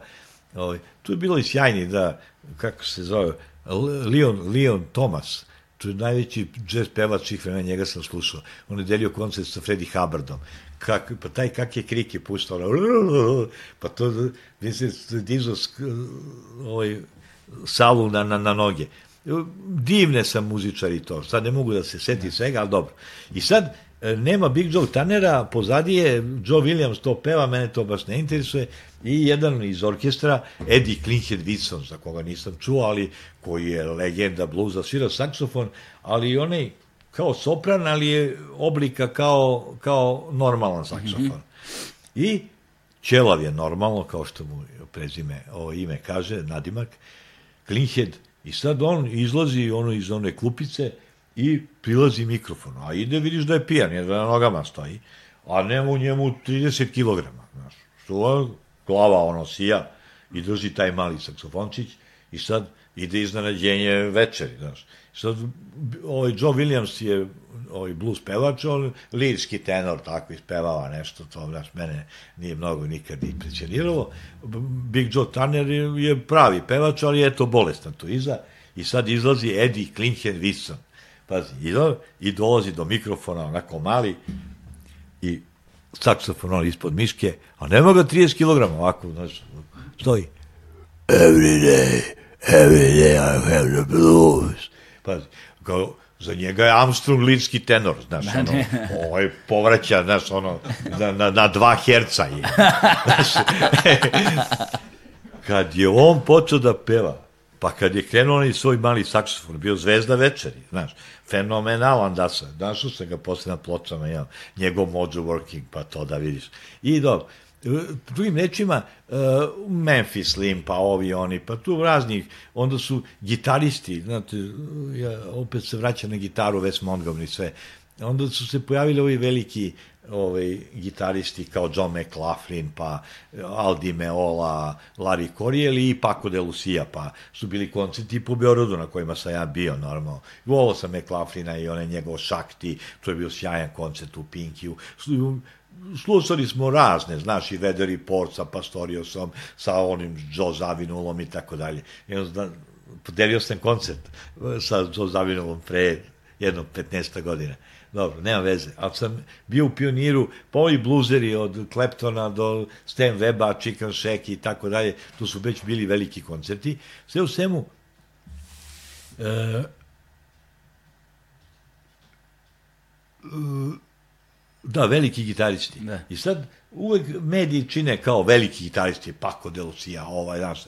I sad nije prosto mesec dana, kaže, trojica najvećih gitarista na svetu, ispred doma omladine. Što ljudi se smeju, kako trojica, kad su ta trojica bili. Znaju svi da to Aldi Meola, u stvari Lari Korijel, Pako i ovaj McLaughlin. Ovo je trojica najboljih. Normalno u domu omladine, dole bioskopska sala, ta trojica su zaista najbolji gitaristi na svetu. Za razliku su, ono, mladi, juniorska kategorija u, u tom smeru. Mm -hmm. A ovo je Barney Kessel, pazi, koji svira najbolju gitaru ikad proizvedenu od Gibsona, gde u katalogu piše ovo je citation, kao, ovo je najbolji model Gibsona svih vremena. Nema ništa reklama za nju, a to da kupiš, to je carevo blago, to ne možeš da kupiš, nigde. I sad Barney sa, sa tež u sredini, Herb Ellis i Charlie Bird na akustičnoj gitari. Mila majko, pa kakav je to koncert bio? Pa to je roto sound, znači on je po u krug kad krenu. A Barney svira jednom bahato onako, gitaru, njemu vrat mali, znači znavde. A, a Herbie, oni, oni stari džezerski ovako prepliće, opančiće ovde na sitno jebe. A ovaj, a ovaj Charlie Bird o, više akustika pa akorde neke harmonije i tako dalje. Inače ima pojeli su. Znači, u toj, u toj sferi džeza, pa Kenny Barrell, njega sa sluša i Joe Pasa i tako dalje. Znači, to je jedna posebna ovako ovaj, grana i kad je gitara u pitanju, da kažem, i tako dalje. A ovo blues, eto, Madija sam slušao, Memphis Lima, Count Basie, Kansas City 7, ono, i dobro. I sad, u meni se B.B. Kinga normalno i tako dalje. I sad, pevači od Care Vondo, ne znam, Tony Watkinsa i, uglavnom, e, međutim, u našoj zemlji se događaju čuda na, u oblasti roka. Mm -hmm. Znači, to je Bosna krenula da, da, da gura i pojava e, indeksa, pa posle belog dugmeta, to je negde već polovina 70-ih. Znači, da. i oni, ta hajdučka česma, to sam ja smislio, znaš. To je jedna binica bila za kulturno-umetnička društva 1. maja da igraju malo ovaj, kola naša domaća i onda se skinu i to je za 1. maj, za izletnike, mm za 1. maj. I ja stojim na toj bini, pa godinu dana pre hajdučke česme i kažem ovim mojima, imao sam ja band tada i ga, u ovdje ćemo napravimo koncert. Godinu dana postao ovaj pravi hajdučku česmu, čuvenu, ovaj, kako se zove, Bregović i tako dalje, i, i bosanci uzmu pikslu. Znaš, oni uzmu kajmak. Oni ponovno krene, bola, bola, na ja, bosana, selma, drne, i oni aj pop pivu, bola, na, na, na, odoše čoveče, mi, a mi u Beogradu nagledali se svih ovih velikana, ko, znaš, to nam je, da kažem, reper. Ne. A ovaj, vidim ja ukrao da Albert, Albert Kinga sa slušao, jao, mila majko, taj Albert King, pa njega je pokrao ovaj Bregović. I sad ja čujem Born on the Bad Side, čuvena su da, da, da, da, da, da, du, du, du, du, du. I sad ovaj mazno sve to, pazi, upakovo da ovaj peva tamo neku bosansku svoju tugu, znači, i ovaj, i, i ti vidiš kako oni kradu, znaš, iz ovoga, gde sam ja, gde mi je ono, određenje onoliko, ali oni kupe pikslu. Znaš, i ti ne možeš ništa protiv toga. I sad mi vidimo u Beogradu, mi smo, gradska deca, znaš, benigni smo mi, znaš, ne. mi ne trkamo se, ne bijemo se, znaš, nešto onako, ko volimo to, slušamo, mislimo da znamo, a ovi nema, ovaj juče naučio Albert Kinga i danas već peva tamo neku pesmu svoju na, na, na, na jeziku prepoznatljivo. Ne vezi. Uglavnom, I uzeš oni, ja gledam meni, a kum moj s kojim sam svirao, otišao za Nigeriju. I koga sam venčao i njegova, venčao sam ga za Ninu Živančević, ona je čuvena, sad radi na Sorboni, čuvena pesnikinja e, i tako dalje. I to isto, to sve hipi onako bilo, kao aj dođi sutra, de, kao opština Savski venac, kada, 9 sati, ja rekao da obučem, ne, ne, tako dođe. Kad pravi svadu, ma ne, ne. Ja, sad, ja, ja kod Londona ulazim u trolebus, jednu stanicu do Savskog venca, kad oni sede, mlada i mladoženje u trolebusu, znaš. On gura mladu i kaže, evo stigli su svatori. To sam ja.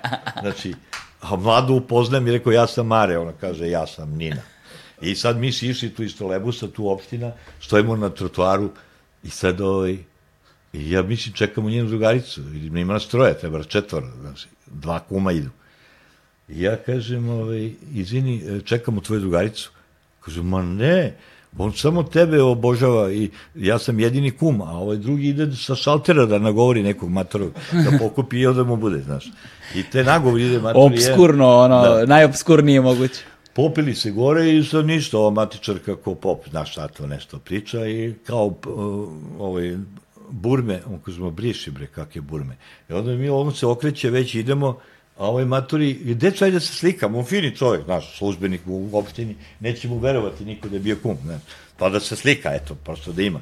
On kaže, ma briši bre maturi, kao da sada silazimo dole, stojimo na, na trotaru, preko puta je bila neka kafana, rekao, aj poki, popijemo, rekao nešto. Pa nije lepo je vreme. Aj zovi ti tada moju devojku. Ovaj, uh, ajde, a ona trenila umetničko plivanje. Rekao, su one prioni toga bila, ono, barakude, po, ono, savijeno koleno, flamingo i tako. I kaj zove, pa idemo na taš, kao, skupamo. Rekao, odlično, zovem ja nju, sad ono udavi mladu, ono, ne znam, smo se mi venčali, on rekao, nemoj niko da pričaš. I sad ono udavi mladu s tim flamingom i barakudama, a nas dvojica vodimo pametne razgovore. Ko, ko pusti ovaj lapače, kao, pričamo o, o strukturi materije i prolaznosti života. Znaš, i, ovi, I sad on ode u Nigeriju da predaje engleski, o, je u Ćale bio tu jedine nacije, pa oni su prošli ceo svet, i on je, nije on, ovaj, i u Beogradu on je studirao svetsku književnost, pa nije on video filološki fakultet naš. On, do dolaze profesori od Kevavcu, bogati, ajde Zorane, pre, prekinite to sviranje dosta, ajde čekajte profesori gore. Znači on, čuje onda je možda to na studenskom trgu, taj fakultet, on je završio sve književnosti, prevodila star afričkih jezika, ne ove svahili, ove koje, ne. neke tamo baluba totalno, znaš. I one, i te prve afričke pre, prevode on je radio, znaš, i tako dalje ali jedan čudak svoje vrste ode u Nigeriju da bude profesor engleskog, a u stvari be, bežao od neke droge, gde ovde mogo da nadalja, i, i, i ja čekam njega. I čekam njega i ja izgubim tu dragoceno vreme, vrati se on i ja rekao, znaš, belo dugme je već osvojilo svet, znaš, a ja sedim sa mojim bluzom, ništa ne radim, znaš. Ne.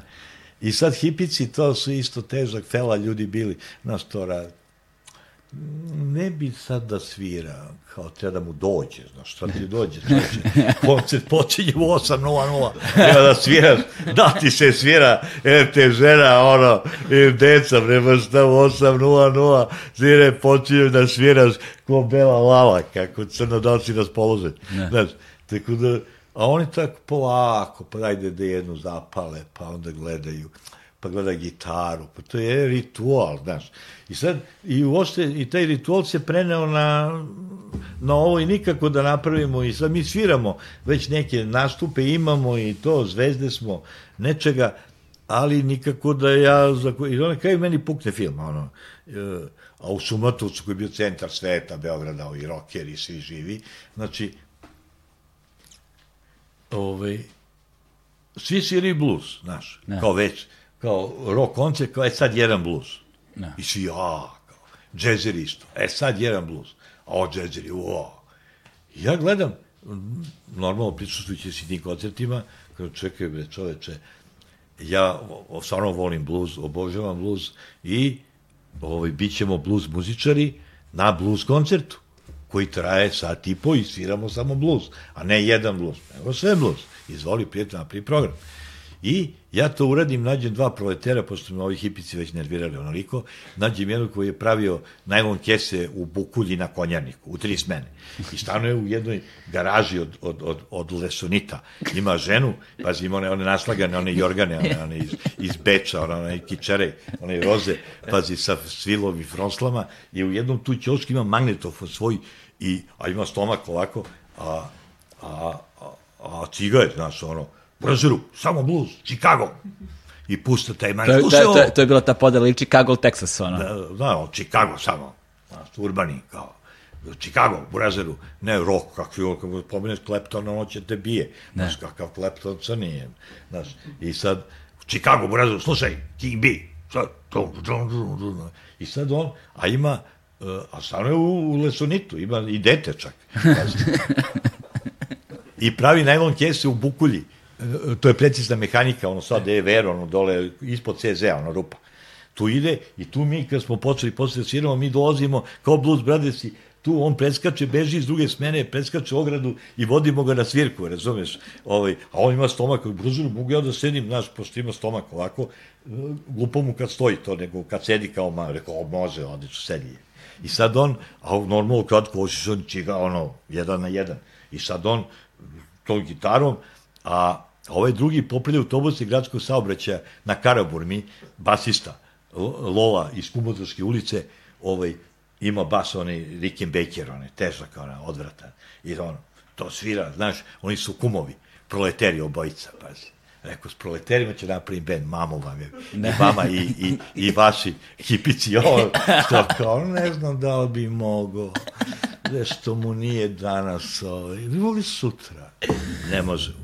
Uglavnom, tako ide moj galebe, i ja napravim s proleterima, i zovem ovog mog ujedinje nacije profesora, a on onako pun sebe, znaš, on je tako isto usporen, isto hipi. Ja, pa to je dobro. Pa rekao, normalno je dobro. I sad nađem bubnjara nekoga, ovaj, tu, imao Roger nešto, i su sad počinu prove, nas pet, kako zove, Blues Quintet. I ja plakat, sve odmah napisali Blues Quintet, i ovaj, pojavimo se, sad mi smo imali već koncerte u Pančevu, imali smo već po gradu, ali to još ne, ne, ne navodim kao početak blues scene. Da. Znaš, blues scena je, e, to mora da ima sledbenike. Da. Ako nema sledbenike, tu nema scene. Tako. To je Albert Camus u jednom svom razmatranju o pozorištu. Ovaj, tako je bio nadaksnut, pa je pričao, ja ću sada da parafraziram.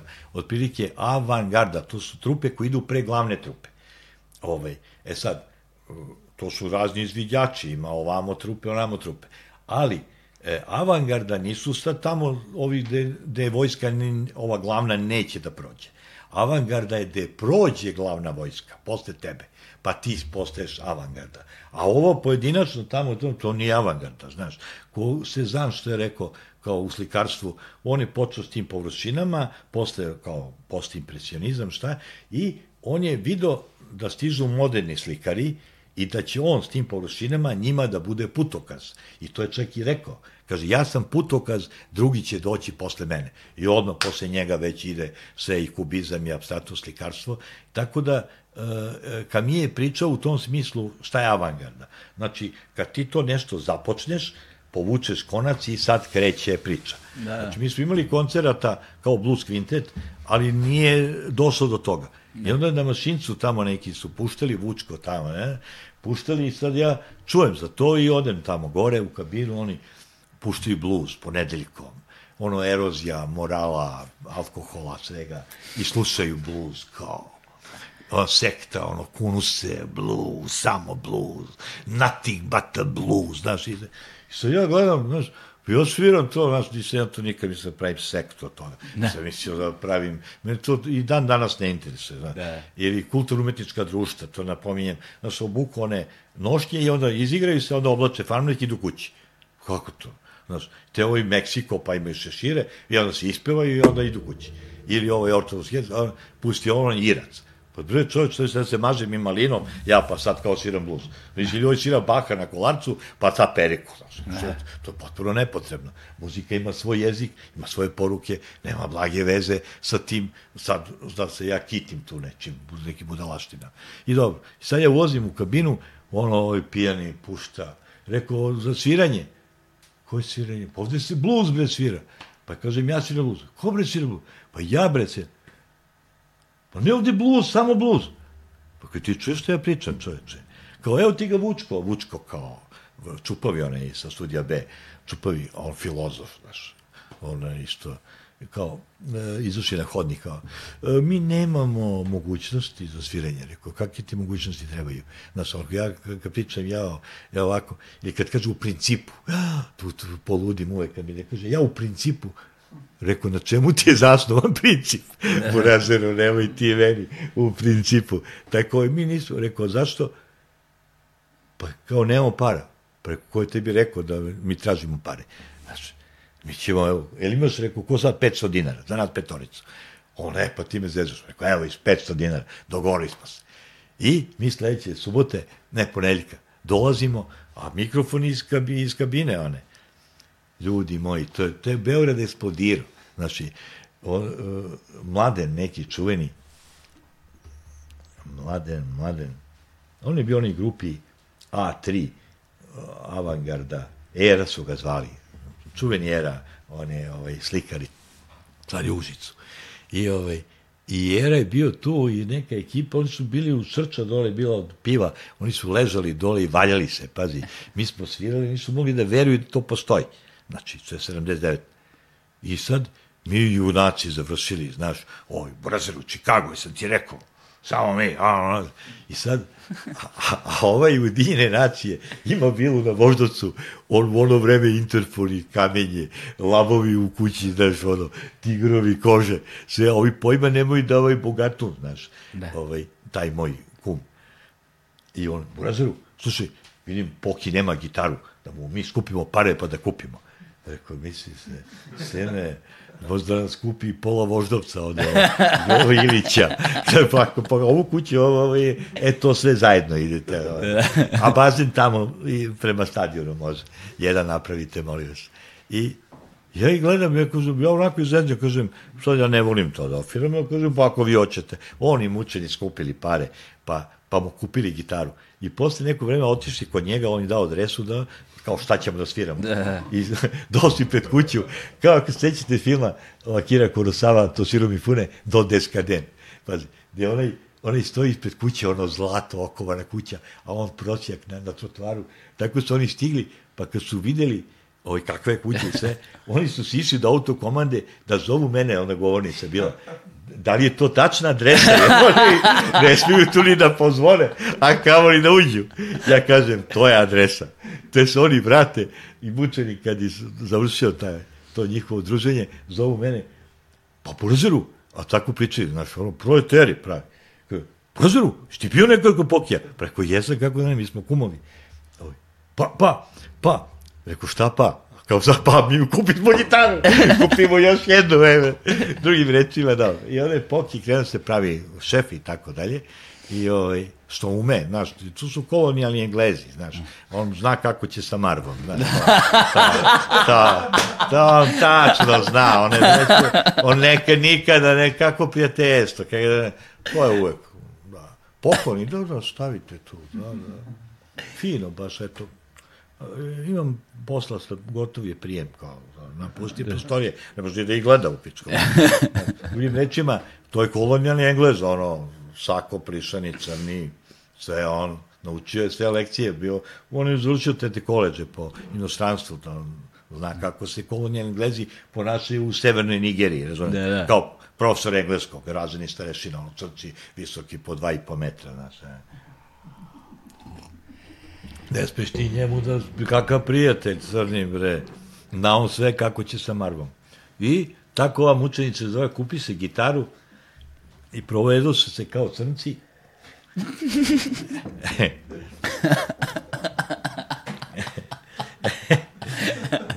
Ja, Mar. I? I tako pričam ovako doživlje. I uglavnom, razni svet mi prolazi.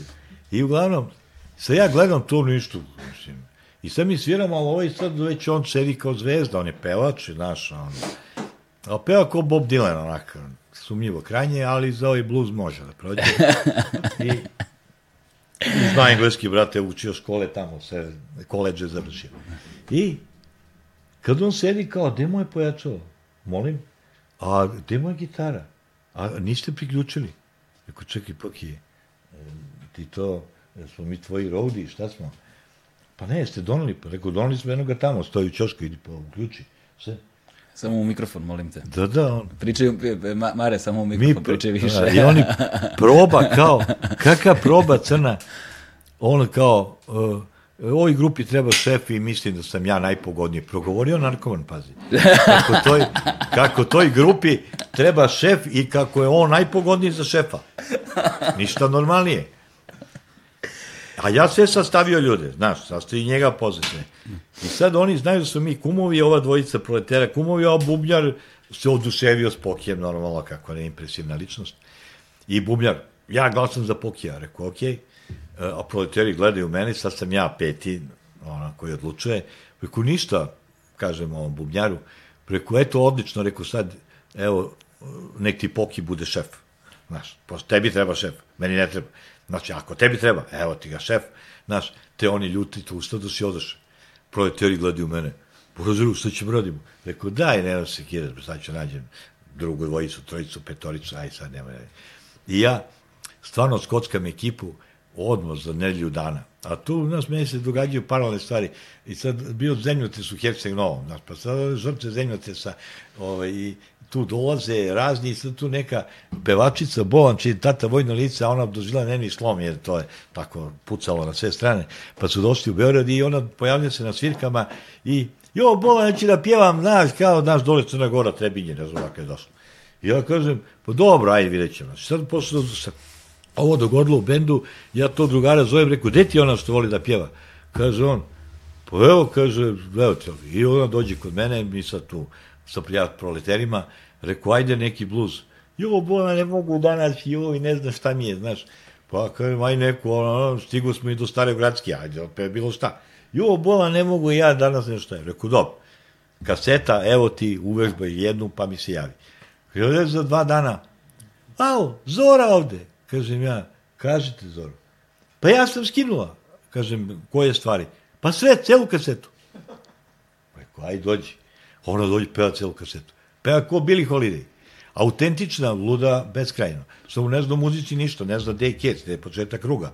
Ali kad počne, fenomenalno. To je čuvena Zora Vitas. Napio sam zvezdu nje. I Zorka Vitas, nekog zbanog brda Šanjika, Šojka, Šojka je pokojni, pravi gitare posle i tako, ovaj svira ritam, uzdu harmoniku, ovaj svira solo, nas, mi koliko nas ima i Zorka zvezda. Pazi. I ja zakažem koncert u SKC-u, mrtav hladan. Bio upravnik Ljuba Kljakić, sjajan, 68. Brkovi, Vjetnamka, sve, a baštu su tek sredili nedelju dana pre toga. A to govoriš o, o bašti SKC, legendarnoj bašti, da, da, da. da. I to je neki Iva i njegova žena u, na početku mala privreda velikih mogućnosti, dado se sve što imaju u svom životu, da sagrade taj šank čuveni u bašti, gde su bili ono, ko zna šta sve, kako džube u toj bašti, da se to i ono drveće divno, baš ta fenomenalna. I nedelju dana posle, idoli su imali prvi koncert, ono, priznajem, moja najneomiljenija grupa, i kućni ljubimci, bre, ono, sve, ono, dobro, ono, moraš Jorganče da mu obučeš kad izlaziš zimi, ali uglavnom... E, Opleo ga, mare, bre. Da. to su kućni ljubimci, da ne vole da sviraju, znaš, više vole da se slikaju, znaš, to im ovako odgovara, da budu važni, znaš. Pa nisu oni mnogo ni svirali, ne već.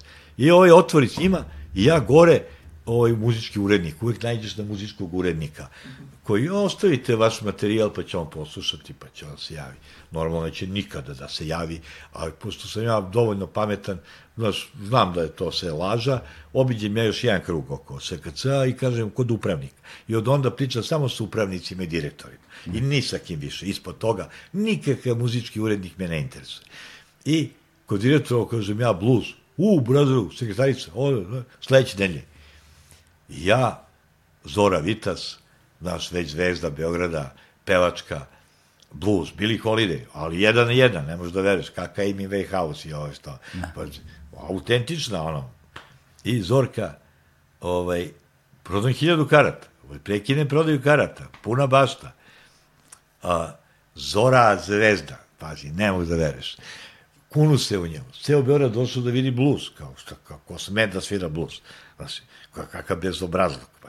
A ovi iz ovoga Bašinca i to, ja sam u isto vreme i prvi disident. Aha. Šta sam napravio?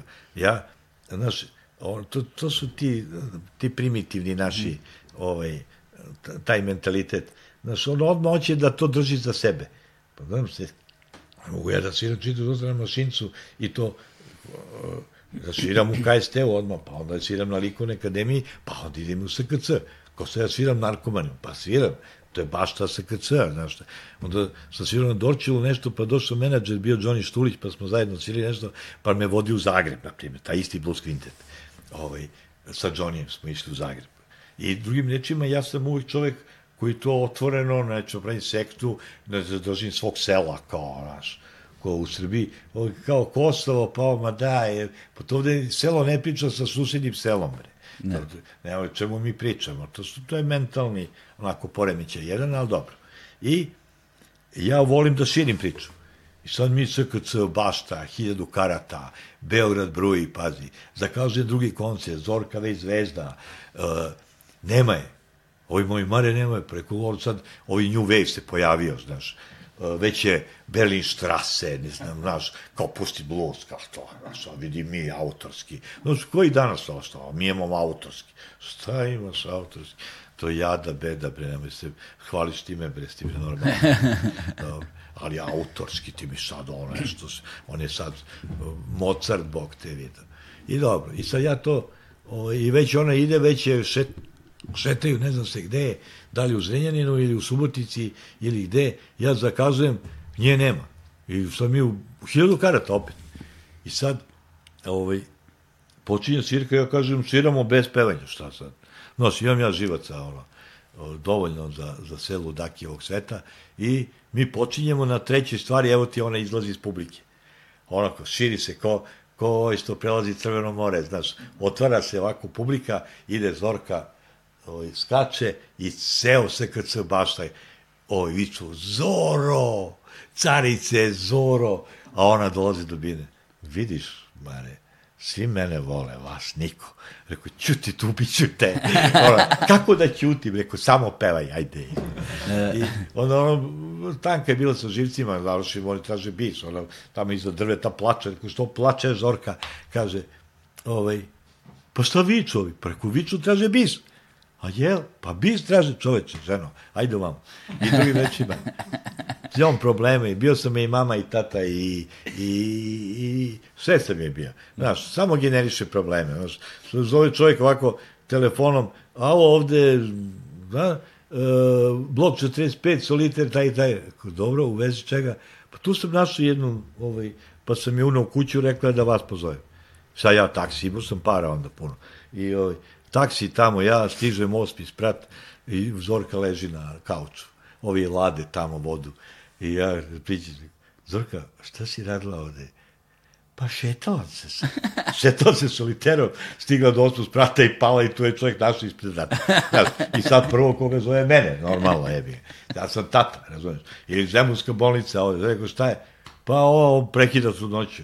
Sad ja tamo idem, ne tražujem, treba mi za svirku, Bog te vidio. Preko šta je? Pa prekinuo sam trudnoću, sa cijela soba gleda, mislio sam ja ovaj, taj krivac. Ne. Znaš, primam ja na sebe sve jerese ovog sveta, nema veze. Je. Ovaj. I onda uh, furanje njena, zabavljanja, raskidi, mila majko, mečku sam rodio sa njom. I na kraju, ovaj, ništa. Ovaj, e sad, koliko god ti proletere te voleo, iskreno, i napravio se, u tih pošalješ, kao imamo koncert u KST-u, on ode u kulturni centar Beograda. Ne. Ti kažeš kulturni centar Beograda, on ode u SKC. Znači, ne znaju, oni nisu mrdnuli sa konjanika to i, i ne. svoždovca. Oni, Slavija, to je već New York, oni znaš, ne silaze uopšte tu. I ti imaš stalno probleme s njima da im objasniš, bukvalno, jedno su, čekao sam u kulturnom centru Beograda, koncert, teo da snima televizija, radio, nemam pojma, njih nema. I na kraju dolaze. Ma, minut pred početak, a da se namestimo. Ja kažem, a kako ste našli? A oni se smeju. Rekao, proleterite. Kažem, kako ste našli? Pa zvali su radio, neko im je rekao da ide reklama preko radija, pa su zvali radio da im oni kažu gde mi to sviram. Pa što oni gde sviram. Pa, da mi kažu gde oni sviram. Dobro. Mila majka, nije bilo mobilnih Drugi rečima, ja sam to vuku koliko sam mogao zdušno i sve, vežbali u domu omladine pionira Šumice i tako dalje. Zorka isto ona, sad peva, nema je, gde je Zorka, Bog te vidio, ona tamo ispod, zavukla se iza ovoga, ovoga kauča i tu, ovako, skuči i tu peva. Znaš, ti možda vidiš gde je, znaš, tamo nestane, ovaj, slučaj je onako, udala se srećno pre par meseci, posle sto godina, ali je ovaj, jedna divna pevačica, autentična, stvarno je pevala to, ali ne zna kada počne, kada završi, ovaj, ja, ti sad, sad si ti na redu, ovako prođe još jedan krug, e, još jedan krug, još jedan krug, i tako dalje. Ali, kad uhvati krug, fenomenalno. I vole je narod puno. I ovaj, nažalost, i razbolila se pre par godina, svirali smo humanitarne koncerte za nju i tako dalje. Ovaj, I sad srećno si udala pre par meseci, što bi objavljeno na Facebooku, uz radost svih koji su je znali, najzad si udala. Ja. I ovaj, Zorka je divna. I, I ti momci, međutim, e, kako god ti nekome daješ, taj ima negde svoju, ja proleterija, ovo se kuma, znači otkačio. Ne? Sad mi vežbamo u doma Odine Šumice i onda sam shvatio još jednu drugu stvar. Šta je blues publika u blues klubu, ta sekta. Oni beže od žena, znaš. Oni beže od žena kao što ovi kad idu pecaju, znaš. Kao što smisle kuglanje i boćanje. Ili, znaš, oni beže od žena jer kad kažu to idemo bluz, oni nemaju pojma u kući šta je bluz i oni dođu i to, a njima je važno da piju, u stvari. Da. Znaš, piju pivo a ovi na pecanju piju rakiju, nemam pojma. I onda kupe usput ribu neku i kao bili na pecanju. U stvari, družili se i pili zajedno, znaš, to je jedan trenutak njihovog bezanja i druženja s ljudima. I tako je ovi blues klubu. Piju pivo i tu kao, gde su, ja slušam blues. I sad, ovi proleteri, oni beže od kuće, znaš, niko ko njih u kući ne zna šta je blues, ali oni dom omladine pionira i tu sad mi vežbamo i ja sam znao upravnika nekog pokojnog Peru Bumbovića, je, I on nam je dao neke termine i njima to malo. Oni bi pet puta da beže po tri sata od kuće. Znaš, ja nemam toliko vremena, znaš. Ja živim bre život, imam bre i devojku, imam, imamo grad i sve koće ove izložbe silne i sve ostalo, čitav jedan život koji živim, znaš, treba se lišim, sedim u šumicama i vežbam trili zgon u integralnoj verziji od 45 minuta, pa kad neko promaši kraj, e sad imamo ponovo, neko nemoj ponovo, molim, znaš, daj samo taj kraj, znaš, i drugim rečima, tu sam ja i onda sam, a proleteri su proleteri, on će ovako te gleda popreko, ko naš seljak, znaš, da te proglasi neradnikom, to mu je specijalka. Znaš, ti si neradnik, ako nisi, ako nisi ranoranioc, ti si neradnik težak, znaš, ti ne znaš, on neće priča s tom. I tako, ovaj, ja nisam ranoranilac, znaš, sam bio uspešan u životu, onoliko sreća i bio sam okružen ljudima takvim. I, uglavnom, e, oni dogovore te probe, ja kažem, ne, oni, ti si neradnik Rekao, nisi ja neradnik, ja vodim ovo sve čoveče, vodim koncerte, vodim ono, vidiš da nam ide se od ruke. Ne, ne, oni hoće da rade, da rade. I ja sam sve ih je doveo u bend. Da viš ti kako pobunan, da sam ja majstor da izgeneriše situaciju u kome svi glasuju protiv mene. to, to, sam, to mi je specijalka. Pazi. I sede oni tu doma, omladine, sede u bifeu dole. Mi smo se dogovorili kao, kužem, da, I sad dobro, i svi glasaju protiv mene. Sve koje sam doveo, ti si moj muzički otac, ali ja ostajem u jedinom bendu koji svira blues u Beogradu. Ko dobro, čoveče. Ajde. Znaš, i sad svi tako izglasaše. Ja sad idem kući, nos, idem šumicom, znaš, izvini Galebe, ovo pričam kao jedan trenutak, kako nije to sve tako lako, ti si ben pa ben. I sad ti ideš, ljude si doveo, doveo si ih tu, ti si tu prostoriju ovaj, Šumice, direktor, sve si ih doveo, okupio, pozvao, ugovoraš koncerte, sve radiš za njih i praviš tu jednu malu oazu, a oni se urote proti tebe. Ni krivog, ni dužnog.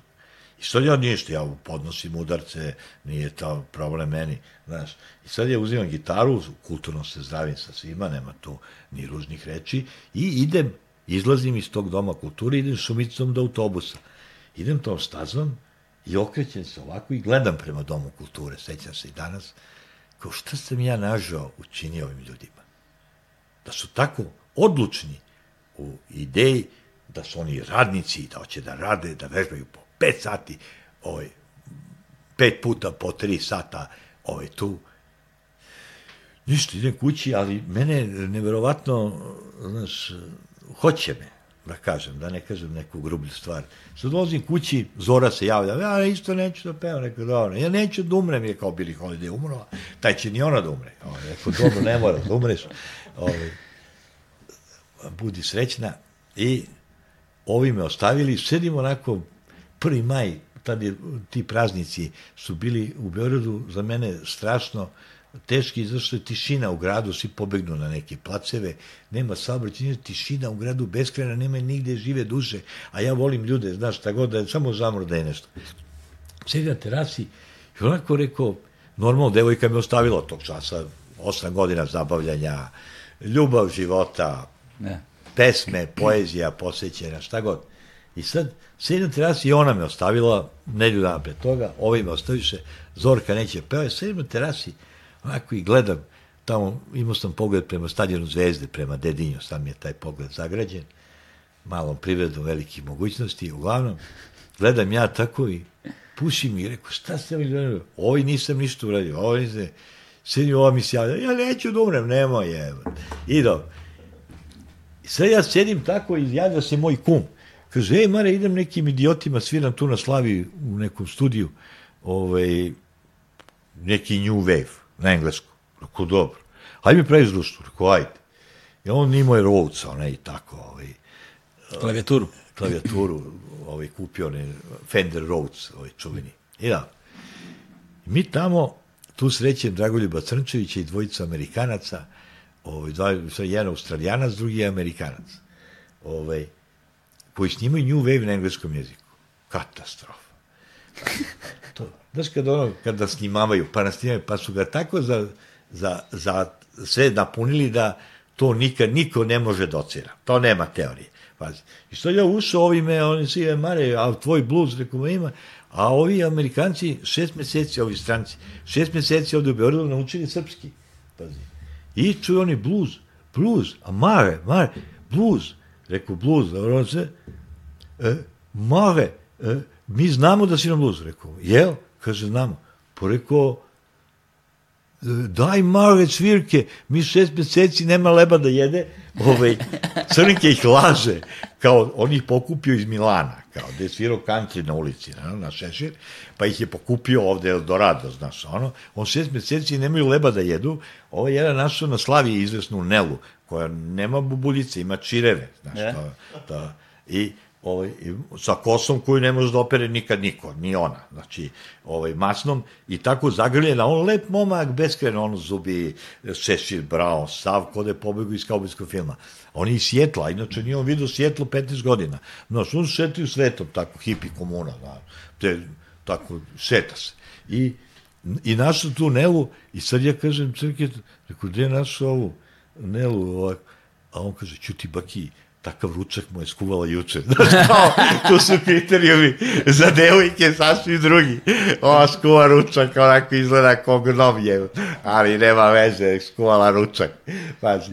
I tako, uh, on gladni i kao, mahe, daj, daj, ovaj mi crnke laže. I kao rekao, a ovaj drugi bubnjar, on je vjetnamski veteran, istetoviran u boji, znaš, ono, masira noge, onim eteričnim uljima i vodi jedno dete sa sobom od četiri godine koje nema gaće, znaš, ono, u haljinici letnjoj i, i a mama je italijanka u nekom sanatorijumu. Znači, kad su njemu, njemu dali dete, može misliti u kom stanju je mama. Pa, E. I sad oni stanju u nekom potkrivlju, gore Pera Janjatović bio u vojci, pa je mama Perina u Gvozdićevoj gore kod Liona. I sad to dete smo pazili na kraju Perina, mama i ja. Znači, I sad mi počinjemo, mahaj, daj svirke, crnke, laže, on platio studio i sad s njima se kao obećava karijeru. Koja karijera, crna? On je u Wave na engleskom, katastrofa. I sad, a oni svi ko pobegli iz kaubojskog filma.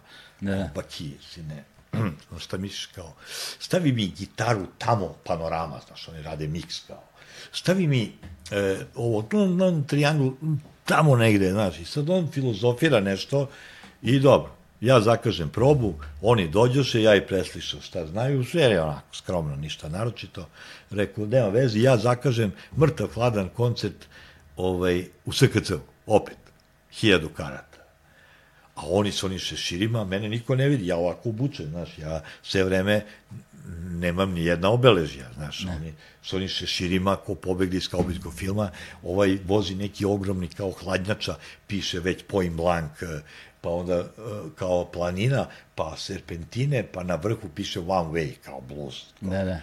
Sad on prođe kombijen to dva puta gradom danas, svi su videli, baš ta CKC-a puna mi glavni, a, a Blues uzbog rečeno, je narednih pet godina vežbo i dalje u Šumicama, nemajući ni jedan koncert. I dobro, ne veze. Radnici. Kaže, kad radnici preuzmu, pusti me. I dobro. I sad, ja krenem po ovim sad imam pušku iz koje mogu da pucam.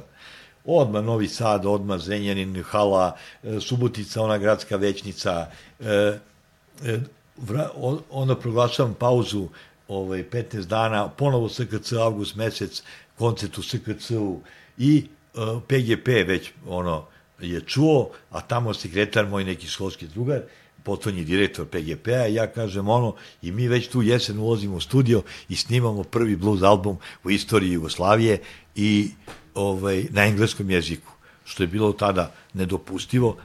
E, svi koji su teli nešto na tu temu, morali su da prepevaju na srpski. Aha. Znači, čak e, e, svi naši pevači kad hoće neku poznati sol i šta već stranu pesmu, moraju da prepevaju na srpski, pa onda tek da, da pevaju. A ovo je prvi put na engleskom da se snima i mi uđemo u peticu, to je ovo Day Takwood, sad više to nema, i, ovaj, i bi da mi snimimo taj album za 36 sati. Zoran Radetić ovaj, je bio snimatelj, radio PGP-u, ali je ovaj, na kvarno radio i već privatno. Mm -hmm spavao je za, za mix pultom, to je one trake sve magnetofonske ono vraćanje. I kad mi za 36 sati, remix, sve, cela ploča odsvirana praktično uživo. I Zoran Radić sam se probudi onako ustane i ovako gleda, odlična svirač, klavirista, i ovako u pauzi sedne i svira Kid Jarrett. Koncert u Kelnu. Što mi gledamo, a ovaj idiot tima nas, misli, ono testerisanje drva. Ovaj svira čovjek Kid Jarretta I onda ovako opet i padne za mix put. Ajde, ovaj, ovaj. Kakvi kriteri, ovi su gori od riblje Ne, na mikrofon, molim te, Mare. ovi su, ovi su, kaže, gori od riblje čorbe. kakvi kreteni, on sam mora nas da snime, zaposlen u PGP-u. Mare, dogovorili smo se, nećemo ispravljamo krive drine. Dobro, nećemo. I sad, uglavnom, to je rekao Zoran Radetić na snimanju. I dobro, uglavnom, si, mi snimi smo to i sad treba da izađe ploča ovaj, ta prva u istoriji. I sad mi već sviramo, gazimo point blank, svi se kunu nas, novine, intervjui, da, i te, da, napravio taj koncert, je kao što je čovek, pazi, Galebe, e, čovjek jedno, ja, pogotovo ja, ja toliko volim ljude, da to ne mogu da tebi prepričam. Znači, sad ja, e, ostavila devojka, idem Dubrovnik, Lokrum, stene neke, e, otišao ti deset dana da evociram uspomene na naša letovanja, sam sam cijet i sad ocvirali taj SKC, imam dogovoreno kad se vrati s mora drugi SKC. I sad ja e, već polazi neki tamo čamac za, za Dubrovnik i sve, a ja neću hoći još jedan da sačekam poslednji i vidim mokre novine na steni. Da. Ovako novina, meni dosadno, nema nikoga, ja one mokre novine ovako uzem da odvajam, kao da gledam i vidim nas slika, point blank, intervju i naš, izašao u novinama. A novine mokre skroz. I ja ovako otvaram i strana Jana u novinama. Pazi, slika. I odmah prva reakcija kao, e, da vidiš ovo. A ja nemam kome da se obrati. Ja sam sam. Jeba, na stenama. I kao što je čovek. Odmah kao, e, vidi ovo, na, ti nemaš kome. I sve vrat. Vraća se s mora, koncerti, sve i tako dalje. I e, prođe nova godina, sili smo u Osijeku neku novu godinu, sneg neki voliki bio metar i po, jedno smo se probili u sportske hale i tako dalje. Uglavnom, negde februar mesec, nagovešta izlazi kao štampana je ploča na kraju, prva blues ploča u istoriji Jugoslavije. I Ko, koja godina to? Snimljene 83. A ploča izašla ovaj, u februaru ovaj, kako se zove, 84. Mm -hmm. I sad Crnki već plava sala doma sindikata, promocija za novine, rekao ne. Ja predatelje 212, Mira Trilović, tamo je otišla u penziju. VD Dejan Čavić, ono sve ja naučen iskustvo, kaže, kod upravnika, a tu noć smo svirali u KST-u, ovacije su bile sve, ali to nije se dogodilo. Nema u novinama, nema na televiziji, nema ništa. Ti si za 300 tamo to veče razdraganih, možda malo popilih, si svirao, sutra će tako oni da na ođilu pevaju i tako. Znači, nije se dogodilo. Ne. Ja dolazim predatelje i pogađam promociju 7. mart 1984. godine u atelju 212. Ovaj upravnik kaže, pošalje glumce negde, salu plaćam koliko košta srednja karta, puno gledališta i tako dalje. Pogodimo cenu, odemo u PGP, oni tamo marketing, mare, ti si genije, ugovor, sve živo, znaš, onako, i podelim novinarima, podelim sve sutra u novinama, bluzu, teatru, naše slike, promocija, fenomenal. Ali ja igram sve igre ovog sveta. Ne. Znači, u 15 do 8 počinje koncert, dolaze mi dva pijana električara ateljera i kaže, Brazeru, mi smo mrtvi bolesni. Ja kažem, gledam u njih, A namestili kompjuterski za svetlo, pa ide projekcija tamo e, nekih mm -hmm. videa iza nas na platnu i tako dalje. I on kaže, ja sam mrtav bolestan, 15 do 8. Milemce neki čuveni, rekao, slušaj ti, rekao, a koliko treba para da ozdraviš? 100 maraka. 100 maraka. Ja igram sve igre ovog sveta, ovi moji nemaju pojma, oni su impresionirani. Baki, vidi puno. Se ja napunio i novinari čuda karte, da, štampam plakate, dva dana pre toga čovjek Mile Šini koji je izučio zanat u zatvoru, ne znam. I, a pobegao bi išao u zatvor za zbog neki drogi u ono vreme.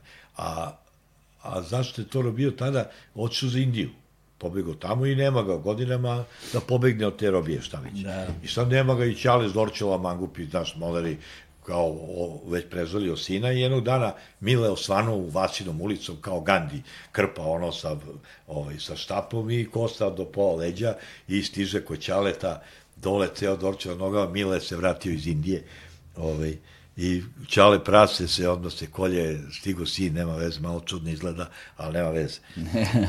sin je sin. I sad oni jedu tamo, a Mile sedi ovako i gleda u sto. I on kaže, jedi bre, kaže da se, a priča ovi što su bili, kaže, a Mile, tata, nije u redu da jedemo ove mrtve životinje. Kada je tamo njemu majku i njemu Indija. Ošišali ga sve, ovi dosta robija i da odleži tu kaznu, ošišali ga i Mile naučio to da radi i na Karaburmi sad Mile ja štampamo za taj koncert ove plakate kiša neka pada, vlažno vreme, celu zgradu ja noć e, sušim plakate, pojim blag, pokazao sam ti ga onaj plakat. Ne. Sušim ono sve, ja sutra lepim, ja lepim po gradu. Znaš, idem, kupio ručetku, lepak, znaš, atelje, delim novinarima, sve puno, delim ovome, pijenim električarima, znaš, sve, radim, igram simultanku, znaš, sve, sutra novine, ovoj si, ovoj PGP-u, prvi put e, šalju kombi u magazin u Gozdjeku, e, prodali su sve u Makedonskoj u njihovoj prodavnici, da dopune, pazi, blues. Mi prodamo 10.000 ploča. Ali tad kreću i turneje. Svirali smo velike koncerte i, i prodali smo 2000 u Engleskoj, 2000 u Italiji, te prve i 10.000 ovde. I onda smo sledeće godine odmah snimali drugu i tu smo prodali 20.000 u Rusiji. Znači, u Rusiji, a? U Rusiji. Ovaj, što je neverovatno u Sovjetskom savjezu tada. I u 10.000 ovde, normalno. I sad kreću i te turneje, kreće mnogo toga i od tada je mlad Bajega krenuo isto sa, sa svojim ovim sviranjem, instruktorima, pa smo išli e, zajedno, ovaj, tad smo i mi nekog menadžera našli, koji nije mu kinte, normalno se sam ja finansirao, pa onda, ovaj, ako je umislio da je menadžer, normalno. I, ovaj, i sad, I širili smo stadione, to smo ceo godine išli Bajaga, Point Blank i ovaj, kako se zove, Galija. Aha, Galija, da. Pa smo bili na, na, na, na, stadionu Zenice, onda se ta tribina zapadna kao napuni ovamo iza, na, a mi na ivici tog igrališta i sad ovaj, tamo neke slačionice i čujem bosanci, neki se svađaju, samo ni pre nas treba sviraju. Da. Ide obično Galija, pa onda mi, pa Bajaga. A Bajaga nije još ovaj Loki svirao, svirao je Rade Brada, Rade Radivojević je svirao klavijature, još nije bend bio ovom sastavu kao posle. I, ovaj, I čujem bosanci, neki se sađaju naš ispred. Ja bol, imam ploči, ja nemam ploči, ja ko će prvi da svira pre nas, kao veliki zvezda. Da. I ovi se zezuju, kaže, ja sam Mare Kissinger, znaš, idi Mare tamo, vidi šta je. Ja izađem, rekao, ti žena, reco, rekao, ko ima ploču, kao, ko ima ploču, taj će drugi, znaš, a pr, ko nema ploču, taj će prvi. Da. Ja kažem, ti žena, ko ima ploču? Kao, ja imam ploču, bola, nema ploču, mora si prvi. Ja kažem, tako je. Taj što je rekao da ima ploču je Nele Karaglić, zabranjeno pušenje. a ovdje, a country, ono, dan, dan, dan, ba, ba, ba, ba, ba, čak i ja dan presudio mu sudija, ne znam šta. Drugim reći je, ovaj, i sad, on diže stadion na noge, opasan mali bio, to je izigrao on Džegera, to još niko nije ukapirao. On je Mick Jagger je. On je tako taj zubat i tako imao i kosu i imao crvene pantalone, znaš, samo što je mali rastom, inače on izigrava Mick Jaggera sve vreme. Ali dobro, to sam jedin ja ukapirao, kad sam rekao umro sam, ja kaže, mare u pravosti. Ne. Dobro, sve u svemu, e, bilo su to vremena, išli smo sad sve razne stadione, Hale, Skenderija, tu su razgađali već i umesto Galije išlo pušenje, pa razgađali žutim parama, to je novi primitivizam. Ubiše nas, pazi, sad izlazi prvo Nele, normalno. Ne. Pa onda idemo mi, pa onda Bajega. E sad svi koji se vrate kroz taj hodnik do Bine, čute. A vraćaju se i gola voda s njih. I mi kad smo izašli one žute pare i crke brki i mođu brki, rekao, pa to je na kraju, pa to sam je mislio. Ja kažem, tek izašli. Ja kažem, dobro, ne veze. Rekao, ja izašao na ivicu binu, ubiše me sa onim žutim parama. I drugi nećem puno doživljaja, ne. A, da ne pričam devojke, pa one erozija, morala i svega živog. I sad, ovaj, Tivoli, ovamo, Skenderije, Zagreb, Kulušić, znaš koliko imam nastupa u Kulušiću, pa uživo snimak, to je bilo tako kultno, kao da li imam snimak iz Kulušića, imam snimak, jedan, dva. Znači, tako, to je kultno mesto gde je kao studio, publika i možeš kvalitetno da snimiš svoj nastup uživo. Da, da. da. I tu smo u Zagrebu, pa devojke, pa ono. I na kraju, i ovde po Srbiji, Lazarevac, otvaranje hale, sve i na kraju kulminira 8. juni 85. Tašmajdan, ovaj, i uh, Niđina mama, a, šta ti misliš sa mnom, preko ništa, ono, pa ko će sudan za tebe? Preko dobro, evo, sledeće nedelje sam u Beogradu. šta, sviram s Bajegom na tašu. Mi smo mu jedini gosti bili. Sviram na tašu, čekaj me, gde hoće, tu stari grad. Rekao, odiš, čekaj mi stari grad.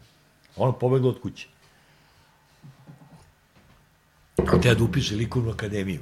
A ja sam je pomagao da, da, da se spremi dobro, znači. Da, da. I tako. I spremio se ona te škole, sve sam ja to od Čumatovačke do, do, do Mator Sergija Jovanovića sa Banom Brda koji ima školu gore kod bazena, znaš, po svake godine zasadi za metar dalje prema bazenu, niko ne primeće. On stigao do bazena sa onim bršljinovima. Znaš, imao je po 30 rodjaka Sergej, čikica ja, sjajan. I volio mene i dođe do grada, znaš, oci frižider, moraš ti imati za koju pasulju, on se najde i onda legne spava. A ja ga sonjera, onda mi dođe neki, kaže, more da nisi prešao na protivničku stranu. Rekao, pa beži, pre, to je Sergije, znaš. I onda, baš pred samo bombardovanje, umre za vreme bombardovanja. Bio kod mene i najao se, ono zamračili, on izlazi i gleda ovako niz. Ja sam u Resavskoj stanovo tada, ali nisam u zgradi, to ulaziš s ulice bez malo iz pasaža. I ja ga pratim do trotoara i Serjoža, onako, Čikica, naš Rus, ono, kaže, Mare, znaš ti ko je kriv za ovo kao bombardo i to? Rekao, ko Serioža? Kaže, biciklisti i ja. Ja kažem, a što biciklisti? A što ja? Toliko je bio duhovit, znaš, beskrajno. I otišao i umre posle kratkog vremena. Ali volao i onda gore ta škola pripremna, pa đaci, pa onda je pravi, ono me, znaš, donesem ja lubenicu malo, koliko mogu da donesem lubenicu na Bano brdo. A ja, znaš, ja sam samo volao slikarstvo, ja nemam me da crtam, znaš, da slikam ništa, ali sam se družio sa slikarima, eto i oženio sam slikarku i tako dalje. I sad, ovaj, hoće onda me upiše tamo ovaj, i karton. I ja kažem, ajde, mora da upišem. I ti mora da učiš ovdje. Rekao, ne mogu seriozno, pa... I sad ja, ajde, kao, ja popunjam kartu, piše svrha up, ovaj, upisa. Ja kao, ne, vi, Sergej, piše svrha upisa, ja, ne, ne, ne treba mi ni za šta, razumeš. On kaže, kako ne znaš, jeo što si glup, piši svrha upisa u njegovu školu radi ličnog obrazovanja. Kaka je bio divan. I Sergej, o, i tako, i onda sam i Snežanicu provao i ona već se sprema za likovnu, ne hoće suda za mene. I sada kažem, čekaj me tu na ulici, ona me čeka na ulici. I, ovaj, i, a tog dana stvarno se jedini vikend kad smo bili u Beogradu. To sviramo i sutra putem sa Slovenijom 7 dana, ovaj, Kiki Lesandić, pilot je došao tek iz vojske, pa onako pilot, kao treba da malo da svira, pa smo ga poveli pola sata pre nas da bude predgrupa po Sloveniji. Ono, rok na Loki, neki potok, ono, stvarno mnogo lepa voda neka, alpski, oni reke, fantastično sve. Velenje, Kranj, sve smo obišli to i vodimo Kikija, tek da stigu iz vojske, ali pre toga Bajaga Taš. I sad, ja, Snežanica, e, mama ljuta što se udaje za mene, neće dođe, otac, moja mama kaže, sine, da se ženi, pa rekao, ženi se vama žurim, imam Natašu koncert to večeras, ovaj, a otac moj je bio divan. Kaže, sine, pravi, rekao, ja bi išao na plac. Rekao, odlično, Mile, ti si jedini razumeo šta treba da radiš. I, ovaj, i mi tamo, stari grad, ova uh, otvara vrata matičarka, neki vanredni termin, ono. i kaže, je zna neko popravi banju? Ja, gospođe, ja, ono nešto zabavilo. I sad mi ko deca s igrom, sad izlazim, popravio tamo, i ona, da, da, da, da, i mi se tu venčali smo, sve i ja, ovako niz ovu Svetogorsku, ovaj, da taš, ovaj, a mama ide, kaže, sine, pa mama rekao, žurim se, da sam lud, idem na taš, imam tonsku probu, znaš, je, ovaj, šta da ti kažem, je, znaš, ovaj, kao cveće, pa sad, nemam vremena, znaš, ne vez, mi tamo taš, tonska proba, bajega, uveče kiša neka pao, to čuveni kišni koncert, u koji se svi kunu, i mi smo bili tu gosti i tako dalje, i ono, znaš kako mali Đokica zamišlja, sad, sad se raspričao, hoće ti sečeš možda, možda. Sad, kako, znaš, mali Đokica zamišlja, mi izvršili koncert, kiša, mi ovako mogu, sad idemo u neki kafić, a ono spalira mi, ja zagrljen sa snežanicom gitara, znaš, ko u Hollywoodu, evo, ovaj tap su svi, kao, znaš, a, spalir te prati, kao je Mare se oženio, znaš, kao pa slika Bajaga, ja, znaš, kao društvo lako ćemo i tako dalje. Uglavnom, i mi sutra ujutru, ja za Sloveniju i ostavi nju, a dobio od Vinče neki stan na Karaburmi, znaš, na Vinče delo te stanove kao, to su mnogo skromni ljudi, fini i tako, kao bliže Vinči. Ti da bi stigao do Vinče, ne možeš da preskočiš ono brdo slance i one tamo, nego moraš opet do grada, pa bulevarom do gore, znaš. Ne. I sad budalaština. I tako je neki stan, a tad sam bio s tom velikom ljubavlju koja neće se uda kao zbog stana i sve, da, Onda je ostavila i ja dobio neki momački stane Karaburmi u kojem sam misli, ostali me devojka, ja gledam na lešće groblje, ono duva vetar severac, a ja sviram gitaru, čitam knjige. Pa to ne postoji. Znaš. Pre bi skočio sa treće sprata nego što bi to. Ja opiram ključevi i podelim svima. I sad go, ko se razvodi, ko se ženi, ko doktorira, ko sprema izložbe. Gore je stan bio, taksi stane ovako, kaže, da ideš Burezeru? Pa znali su me svudi, ja sam bacao pare na taksi. I ja kažem, ovamo, da platim ne. Pa, kaže, pa kao, sinoć sam neku priveo ribu kod tebe u stan.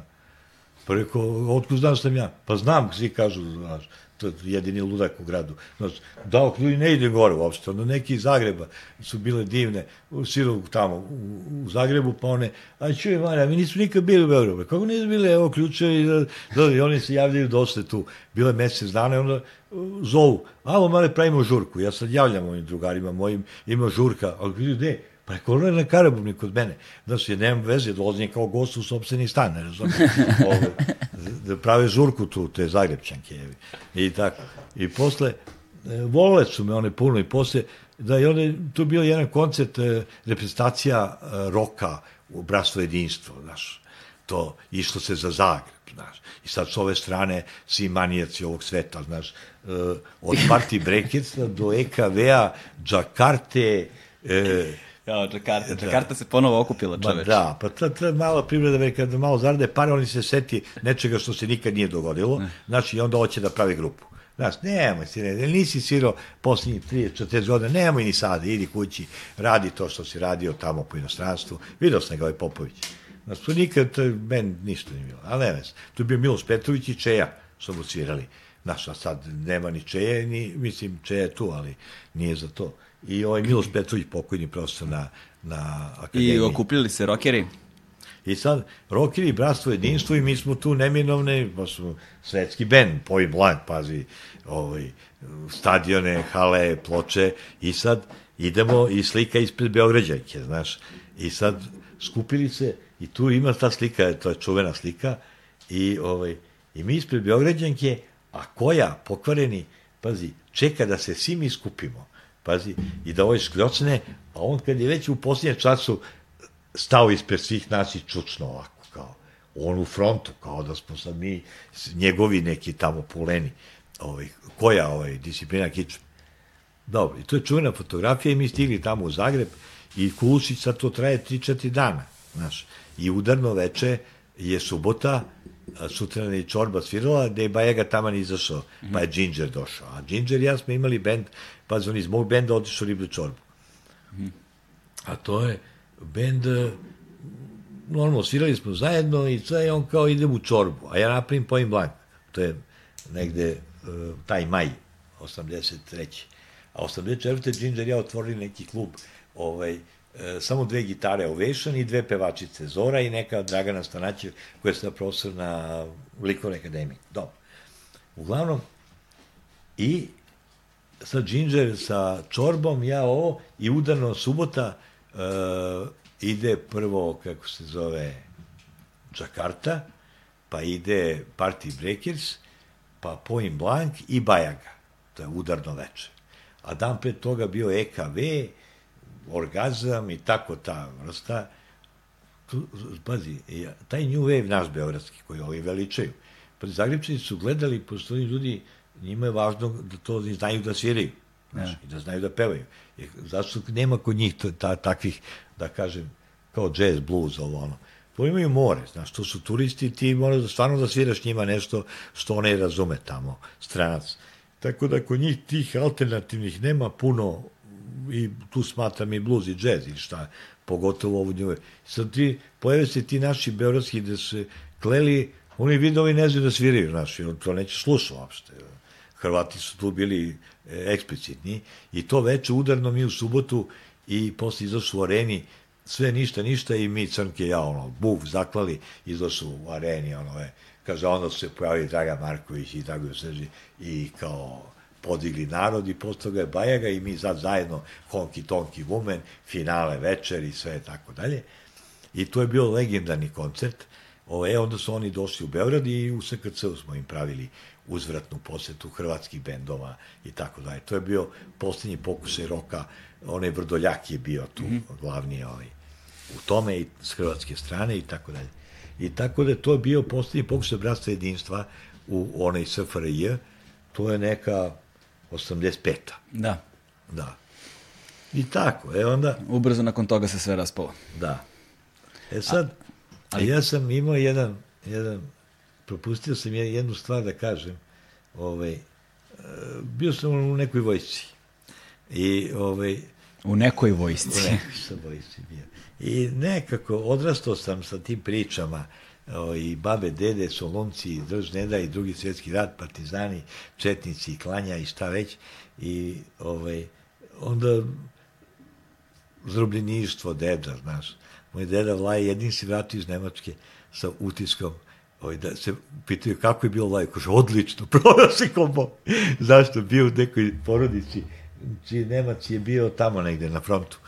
A Deda Vlaj pripao kao seljak, znaš, da radi oko njive i to, i onda on proveo lepo ti četiri godine i vratio se, kovi što se gasto si vraćaju s poklonima, puni sanduci kožnih kaputa, čizama, satova, ne. kakvi hoćeš. Deda Vlaj, kad je stigao posle oslobođenja u svoje selo, ovaj, on je delio poklone, pazi, bio je omiljena ličnost i proveo se odlično u zarobljeništu, ovaj, ne bi sam pravila torte za rođendan i šta već ne.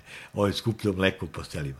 Znači, jedan ovako, do ti priča pa do mame koji su četnici na klanje vodili i tako dalje, otac, partizan, klinac sa 16 godina, dva ordena za hrabrost imao, znaš, bio klinac ono seljačko dete da izvuče ranjenike iz prvih redova, kao ono filmu, da natovari na leđa i da puzi, da ih ovamo prebaci. Ne.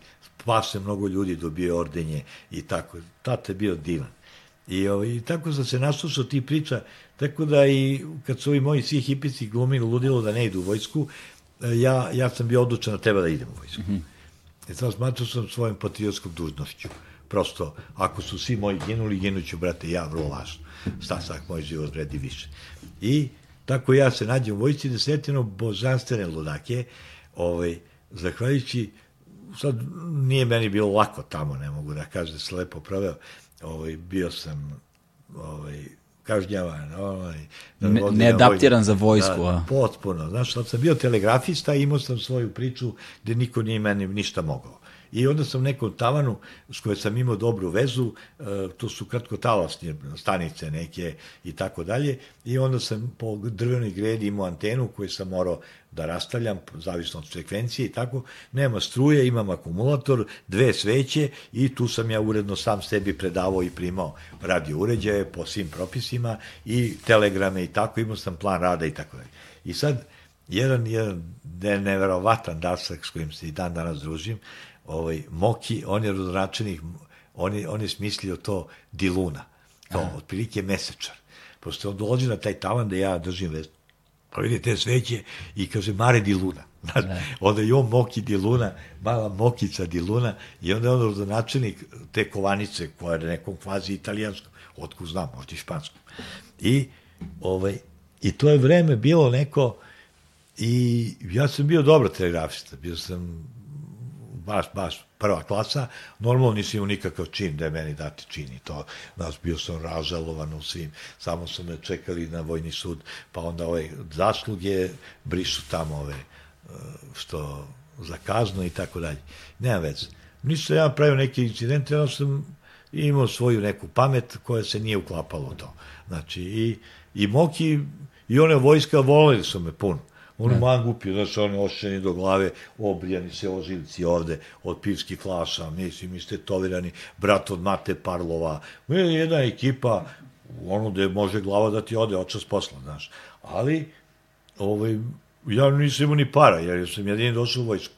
Znači, svi beže, te ima verenicu, jednu, drugu, treću, te, te mu da. baba slomila nogu i samo traže način da pobegnu u grad i u do Beograda. Da, ja samo, sam... samo da kažemo za, za ljude koji ne znaju, pošto imamo i dosta mlađe publike, Mate Parlov je tada bio prvak sveta u teškoj kategoriji bokserskoj. Jest, poluteškoj. Poluteškoj, poluteškoj, poluteškoj. Da. Prvak sveta, da. fenomen, najbolji nas bokser. Znači, s njegovim bratom si išao u vojsku. Da, da. I sad tu on, istetovirani svi od glave do pete, Znaš, ali su me gotivili, ja ne idem nigde. Kao, kaže, kažnjava me dva meseca na izlasku u grad. Ovi se smeju, kaže, zmed, pa on kaže, ne ide u grad uopšte. Znaš, što će u grad? Pare, sad se šetam ko budala. Znaš, ili, ili da, da kući, ne idem kući uopšte. Pismo ne pišem, pismo uopšte. Imao sam ja devojku divnu jednu i odmah smo raskinuli, kad sam pošao, nema, ono, sad ja... Mare, sve po kratkom postupku, bre. Ne, ti ne kao sad ću ja da lamentiram tu, ja tebe volim, ti ne, ne, ne, daj završimo to, idem lepo u vojsku i sad, ono, sve živo što sve, ovaj kao da me kazne, nema zašto da me kazne. Znaš, ja ne idem u grad, ne idem kući, ne tražim ništa, a ovde ne znam šta da rade sa mnom, znaš, mm. bukvalno. I sad, ko je najbolji travesta? Marković. Sad ja držim vezu, spašavam, bila neka vojna vežba Ljubičić, ono, ja spašavam mrežu, preuzimam, iako nisam bio upravna kao glavni, bio počinjena, ja hvatam mrežu, spašavam, ovaj sluša, taj načelnik je dobio posle premještaj za Beograd, došao u Nemanjinu, zahvaljujući meni. I on mi spasao mesec dana ovaj, kazne, produžena vojnog roka. I, i, ma, I sad Mara, ja, gitarista. I sad ja, a iz orkestra su mi izbacili odmah, normalno. Tu neki mali koji pusta razglas, znaš, i on komanduje. I rekao, a te čekam brigadire na trgu. Sad ja, i rekao, šta je mali, Pa kaže, on komanduje. Kaže, šta komanduje? Je svira, kaže, ne svira. A on, ono, postrojeva nas. Rekao, moli, briši odatle. On molim, rekao, ja zavalim ga i rekao, briši da te ne vidim. Sutra raport, sve i iz orkestra marš, nema više orkestar, a svi se u vojci, znaš, traže izlaz, kao, ovaj će da svira, pa kao neće da ima vojničke, a ovaj će, ne, e, ne, ja sam ovde ovako razdaljen, sve ću da radim, nemoj ništa da se sekiraš. I sad sam imao svoj privatni orkestar, ovim neko mađar, eh, Jozef Kolombar, svirao po nemačkoj cigar, mađar, znaš kakav, Mare, ajmo, all of me, all of me, da, da, da, da, da, da, da. Sad ja ono, akorde, sad pratim njega, ovaj, imao sam privatan svoj bend, nezavisno od, od ovoga što je dočekivo brigadire sa dalmatinskim pesmama i tako. Uglavnom, I moj, tako da sam to prošao, nema veze. Gotivili su me i ovi razbojnici, Mareta ne smije niko da dira, znaš.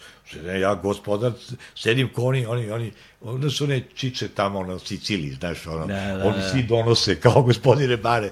Ja nemam para od cigare, ovako idu, žickaju po krugu 2000 vojnika, uzimaju cigare za Mareta, da, da ima da puši. Sve, znaš, ovo, ja držim, tu neki akumulatore, ne, voće, neke trapisti, neka čuda, a Moki se kocka i tako. I Moki je bio čudo Božje, tamo glavni.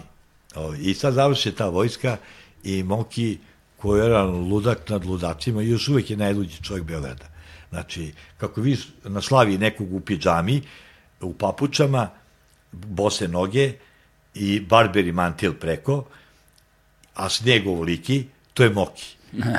Izgleda kod ono satrlen, znači najluđi tip ono, Beograda. I mala Mokica, završili vojsku i sve dosadno, beskrajno. I kaže on, e, prošlo par godina, kaže, Mare, sine, aj dođi u Londru kod mene, njegova mima prevodi za kraljicu i za Tita u ambasadi.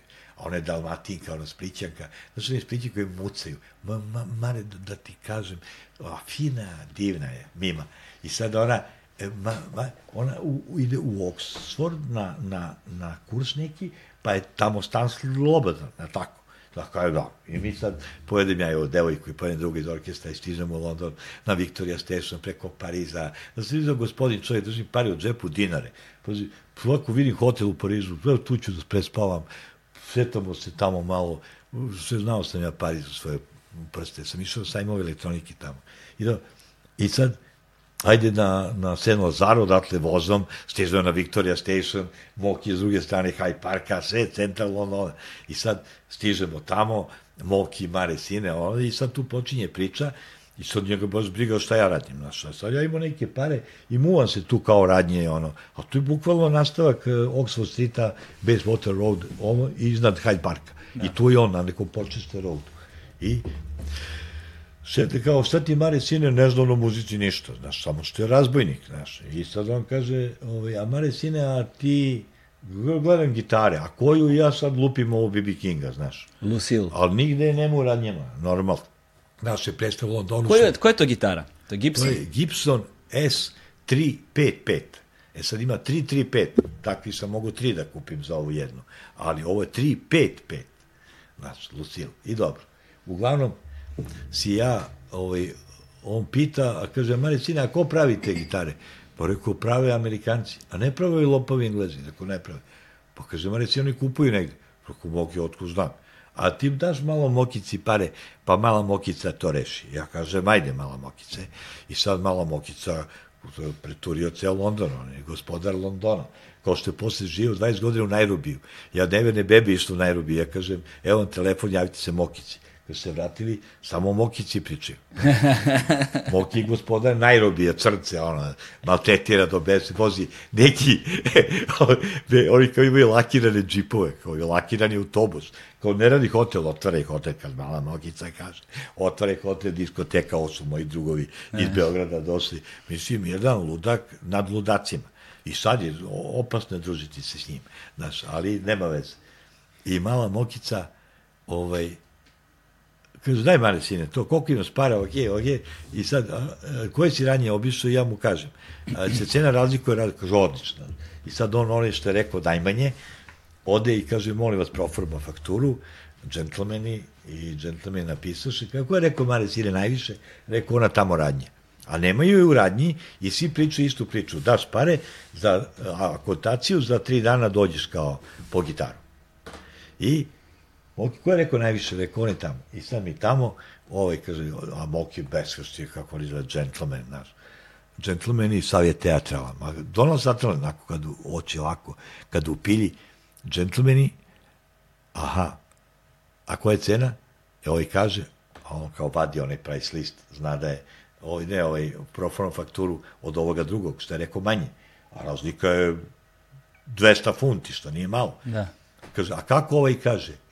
Ovaj onu fakturu i ovako hodnikom iza kod šefa i pocrveneo i vraća se Amoki preko tezge ovako, vadi njegov price list na kojoj piše adresa gde nabavljaju. I Moki, vidiš, Maja, sine, piši ovo i sad prepišemo to sutra na plan s idemo u Essex, kupovina, stižemo tamo, a ono eksteritorijalnost, znači kao da sam u fabrici Gibson u Americi. Da po fabričkoj ceni. Možeš misliti. Ovaj, onaj tasta to dva dana, tri, on uzima više od duplo. Ta radnja. Sve isto ode u radnju tamo i kupi za te pare i mala mokica briljira. Kupili gitaru za bud zašto. Dobio ovakav štos onih oslobođenja kao na da. carini. I kad sam izlazio sa, sa, iz Londona, Moki mi nađe u Luton, to je neki pomoćni aerodrom. Da, Luton pored Londona, da. Da, 90, 88 muzičara iz Manchestera idu Dubrovnik. Ja sam 89. Svi nose ovako. Moki, Mare Sine, mala mokica ovde da mi sedeš. Te, I sad, ja sledećem u Dubrovnik 11 sati. I sad ovaj kaže, samo da prođem. Galebe, samo da prođem. Niko me ništa ne pita. Ne moram da lažem, ne moram ništa da kažem, ništa. ovaj kaže, ono, mogu se bubnjeve da popiše i ne znam, klavijature, viče prolazi. Ja stanem normalno. Kažem ja, on kaže, vi znate, preko nisam ja s njima. Gitara, zaplena, dok sam išću po carine, mečku sam rodio i tako dalje i tako dalje. I kad sam se, javlja se Moki posle par dana, kaže, Mare, sine, kako je prošlo? Pa znam i, i avion. I 88 iz Manchestera koji idu za Dubrovnik. Samo da prođem s gitarom, ne moram i carinu da platim. I kupio mi za pola. I ja sam rekao, dobroveče, gitara zaplena, carina, tamo koliko sam uštedio u Engleskoj, pukao sam na carinu. Ne vez. I javlja se Moki koji je beskreno duhovit. Kaže, Mare, sine, kako je bilo, rekao, gitara, carina, molim, Ja, kaže, Mare, sine, aj nemoj da mi se javljaš jedno tri godine, molim te. Toliko sam ga našikirao. I dobro.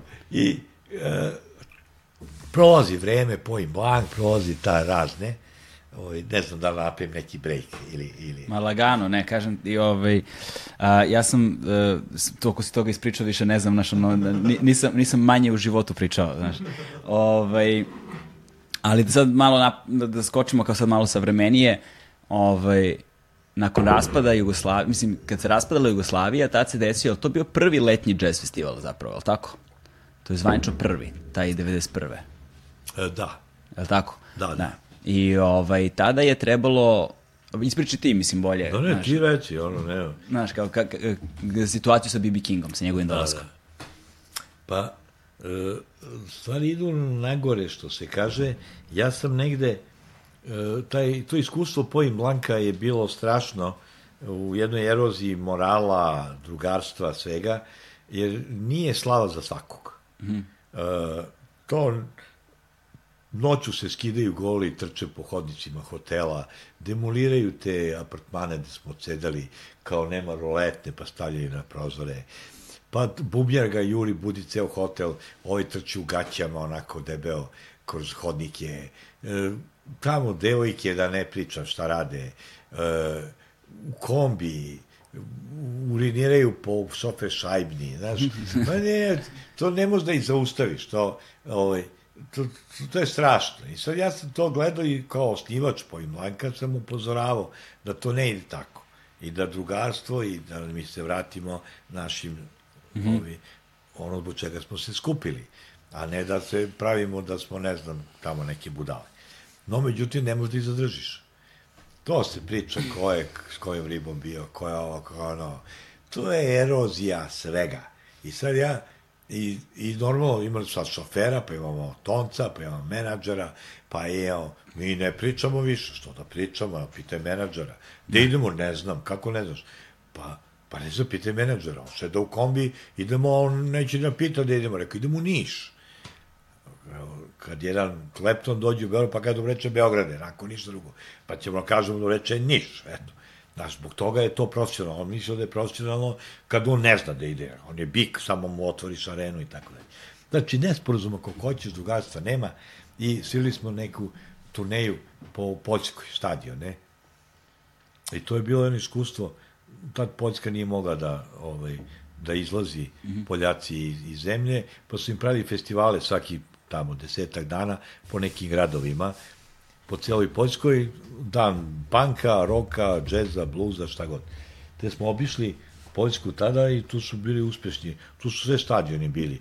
50.000 ljudi, 100.000 ljudi, ovaj, istočna Poljska, od Krakova pa do gore do Gdańska, do nekog Olštajna, pa smo se vraćali zapadno Poljskom i poslednji u Jaročinu, nekom kultnom mestu njihovu, gde vozovi bordi kolima na, na ono doboju 150.000 ljudi, ko, ko naš hipodrom, pozadi neka reka, hladno, ko, a napred bio na svetla, ubišete ono, kao da si da, na suncu. I sad, e, dole stampedo, dole koncertima Stonesa gde su ginuli ljudi, dole ginu crke, baca ove naše etikete, pa, flajere, point blank, direktan prenos za poljsku televiziju, prvi program. Mislim, imao ozbiljne zvezde. Znači, i sutra, kad smo bili na granici, zaključena granica, dali smo autograme sat vremena na šta hoćeš, na toalet mm -hmm. papir. Znači, i ovaj, to je jedna uspešna turneja u muzičkom i finansijskom, da, bili neki zloti, jer ljudi nemaju leba da jedu. Znači, on neće zlote, ovaj kupuje neko srebro, nema ništa. To su prazne samo posluge. Mi to, iako smo prošli 90. nismo videli to šta je bilo u Poljskoj. Tad sam ja došao, tad sam rekao, ljudi više nema veze ni socijalizam, ni kapitalizam, ni komunizam, daj spašavaj ove ljude, znaš. I onda, onda se vidi i razliku, tad sam shvatio šta su Sloveni, mm. kao grupacija naroda. Znaš, na, gore na kraju, gore blizu od, Gdańska, tog Olštajna, stadion, onda njihov neki klepton, poljski nalepa se zove, pa stadion, oni još u hipi, pa oni kasnije za nama jedno 20 godina, znaš, pa ovaj solira pola sata, ono, hipici, one haljine, leže po, po tonoj travi i tako, i sad mi sviramo gore, ovaj, i u garderobi neko pita nas odakle smo, ja onako uvek ponosno kažem iz Jugoslavije, naš su kao pozitivna konotacija, Tito nesvrstani i mi smo Rusima rekli istorijsko ne i tako dalje. Sve to pričam ti priču. Oni to pojma nemaju. Znaš, Sloveni svi misle da oni udaraju kontru tamo nekim zemljama koje su proglasili protivničkim. Znači, i so, sad Poljaci misle za sebe da oni jedini Rusima govore, a oni nemaju pojma za ovo naše. Znači, da, da. I ti, ja kao mi iz Jugoslavije, a on, fuj, kaže komunisti. Ja zgranut. Znači, ja zgranut. Ove, ovaj, drugim rečima, tad sam shvatio šta su Sloveni. Znači, uvek oni, oni su glavni koji da, da, i mi smo takvi isto. Drugim rečima, Ovaj, to je jedno veliko iskustvo, vraćali smo se i tad je pojem Blan puko. Ovaj, Koja je to godina? To je već 86. Aha. Ja puca to i ja kažem ne mogu više. I e, nalazimo se i opet svi glasaju protiv mene, normalno, to je poznat slučaj. Oće s menadžerom, menadžer idiot, totalno, ne veze. I posle tri meseca svi mi se javljaju normalno. Mari, izvini, bio si u pravu i tako, ali gotovo je. Tikva je pukla i uh, menadžer štampa ono ulica uh, generala Mladića, ulica podstanara, znaš, ono što se prodavalo ispred Beoređenke, one da, da, da. natpisi, oni bedžovi sa nekim mudrostima, to je Batavuki radio. Crnki je štampa upaljači hemijske olovke, basista koji je završio filozofiju magacioner u vojsci, a bubnjar koji studira fizičku hemiju šije kapute i pantalone i daje časove matematike. Da, da. I jedini ko se bavi sviranjem je Mare. Hmm. Opet Mare. Ja, ja više, znaš, ne znaš šta ljudima. Javljaju se svi kao izvinima, rekao, ne, ne, gotovo, ne mogu više. Znaš, ono, rekli ste šta ste imali, ćao. I ja, moj, galebe, sad, niđa, rođenja, ono, i ja, ovaj, žena me ostavlja, ide na neko more i tu srećem Ranđe, on je stao neverim bebama gitarista, u vojničkoj, ovoj Mordanskoj, na ostru Visu, Jugoslavija još na okupu, onu JNA, vežbu u nekoj prijavnici i kao ja od care pojim blan, skido sam tvoje sola. Rekao, aj nemoj tu da mi steže. Rekao, sviraš bolje od mene. I, ovaj, a Nidža uveče, kaže, tata bluž. Rekao, hoću čujem. Rekao, ajde munje, mi uđemo ono dom jedna božanstvena bašta sa četinarima kakve nisam vidio u životu. Osvetljena, tu ranđa svira damatinske pesme i prevruće bluz. I prođe to moje, ja krećem na brod, trči on za mnom, daj mi telefon i stvarno za dva meseca, evo ti ga, ovaj, dođe u Beograd kod mene i tada zima počinje i ovaj, svirali tu klubu novina Srbije, nas dvojica, dve gitare, kao, ne, I siđem ja u Bitev, pogodim svirku, Bitev teatar tek počeo sa radom, zima 89. I ceo Beograd se skupio, znaš, svi gitarosi Beograda, znaš, od Krleta do Đuleta Van Gogha, do Čuture, svi, ono koji su čuli Točak, svi došli, svi sede i ovako gledaju nas dvojica, dve gitare češljamo na, ovako lepa binica bila. I sad ja pauza i dolazim oni, e, more, ovaj mali svira bolje od tebe. Rekao, od mene? Rekao, si da bolje od svih nas. Samo što ja smem to da priznam, a vi se krijete i tako dalje. Uglavnom, i on stvarno odmah napremija bend, tu Mirko Kjesić, koji je sada čuveni basista kod Joksimovića, sviruje Marakane sa Čolićem i tako, stigu iz vojske, odmah ga koptiramo i tako dalje, a pre toga je bio Balać, on je sad u blokautu. Da, da, da, basista. Da, da, basista. I on je kod mene počeo, znaš. I svirao gitaru, a pre toga svirao bas, pa imao žuljeve i tako sam Mirka Kesića našao. Tek stigu iz vojske i, i sad tu kreće bend da se pravi i to sve kreće ono, onako tokom i sad kako da se zovemo i Ranđi koji je upoznao Moki Dilunu, kaže, ajde Mare, nek bude Diluna Blues Band. Rekao, ajde. I tako to nazovemo Diluna u smislu kao neki mesečari. Nešto, da, da. noć provodimo tako što, eto, zaludne stvari radimo. I tako nastaje Diluna zapravo. Tako je. Koja je proslavila prošle godine 30 godina svoje postojanje. Jest. 30 i 40 godina sam slavio mog ukupnog bavljenja aktivnog. Znaš, Galebe, ovaj, mnogi slave jubileje, ja, ja sam ti 40 stvarno zaslužio. Ja sam non stop svirao, to je, to je pod tim podrazumevom 50 nastupa godišnje. Da. Znači, to nije lagarija. Dočeka jednu novu godinu pa vi kako ti ujutru, a ne 50. Ne. Ove. A ja imam ove, i ove godine ću oko 100 imati sa ovom koronom i sa svim. Znači, ovaj, kod mene nema šale, ima da se svira i uvek se svira i onda mogu ovu godinu da kažem ovo sam svirao. Znači, a lažne jubileje, te kao 20 godina, 30, 50 godina rada, 50 godina nerada, nemoj meni da Znači, ja se uvek trudim da to opravdam i da to bude pošteno, eto. Da, da. Da, ovaj, Mogli bismo, Mare, mi ovako, ne ispričali smo ništa o B.B. Kingu, ali nema veze. E, ajde, možemo, da. E, taj koncert, vratit ćemo se, 73. godine, dolazi B.B. King i tada, ja kažem, niko nije bio dovoljno velika zvezda. Kao što ni Madi je svirao Muddy Waters Lamartine, uh, Miles Davis, tako je i B.B. King prvi nastup u Beogradu imao, tako što je podelio koncert, samo sat vremena svirao, sa Sarom Von. Znači, Sara Von i B.B. King, pola pola. Ovaj. I ja sam bio na tom koncertu i gledao sam u tu, u tu, to, njena, njeno pravo ime je boje te gitare Cherry, Cherry uh, Wine. Ovaj. Kao nešto tu, bordo crvena. I ja sam gledao tu gitaru, ovo je svirao Bogovski, kako je svirao, uvijao one žice.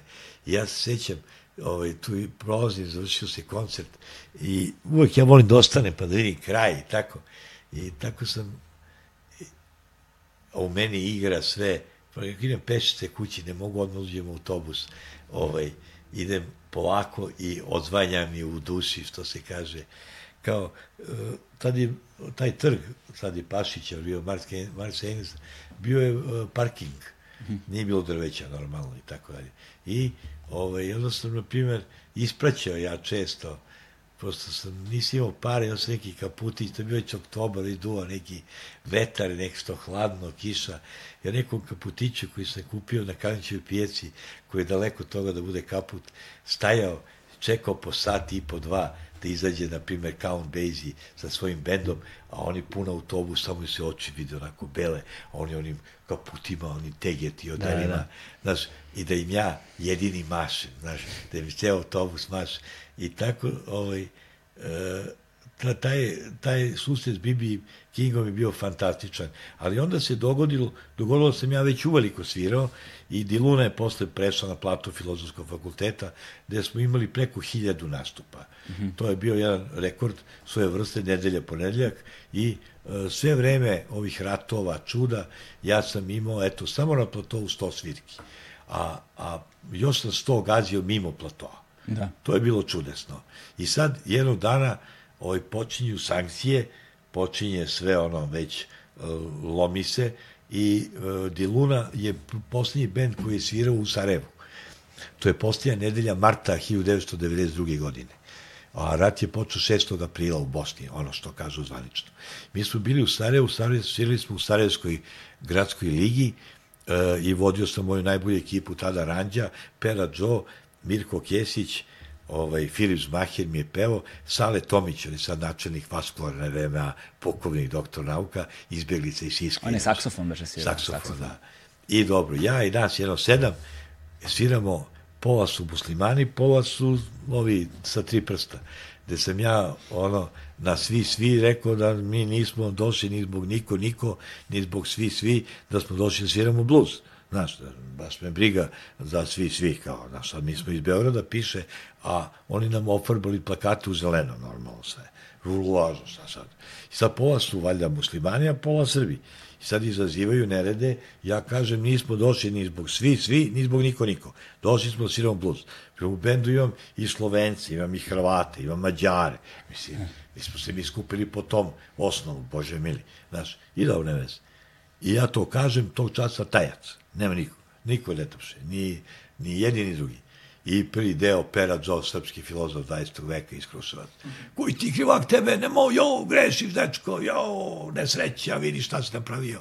Rekao, beži, bre, sve, nema me ne biraš, bre, biće sve kako valje i stvarno mi drugi set krenuli, digli na noge, ovacije, Pera Joe desno, Ranđa mu skoči na, na vrat gore, on svira usnjaka, Ranđa gitaru iznad glave, a levo posljednjen Filip Zmahira i saksofonistu, a, oni nisu volili Zmahera, oni volili one, one heavy falsete, ono, a, da ispevava, a ovaj sa saksofonom isto preduvova, znaš. I on posle njih levo, a mi igramo odbranu na trojica, na, na bini i tako dalje. Uglavnom, igramo odbranu na bini.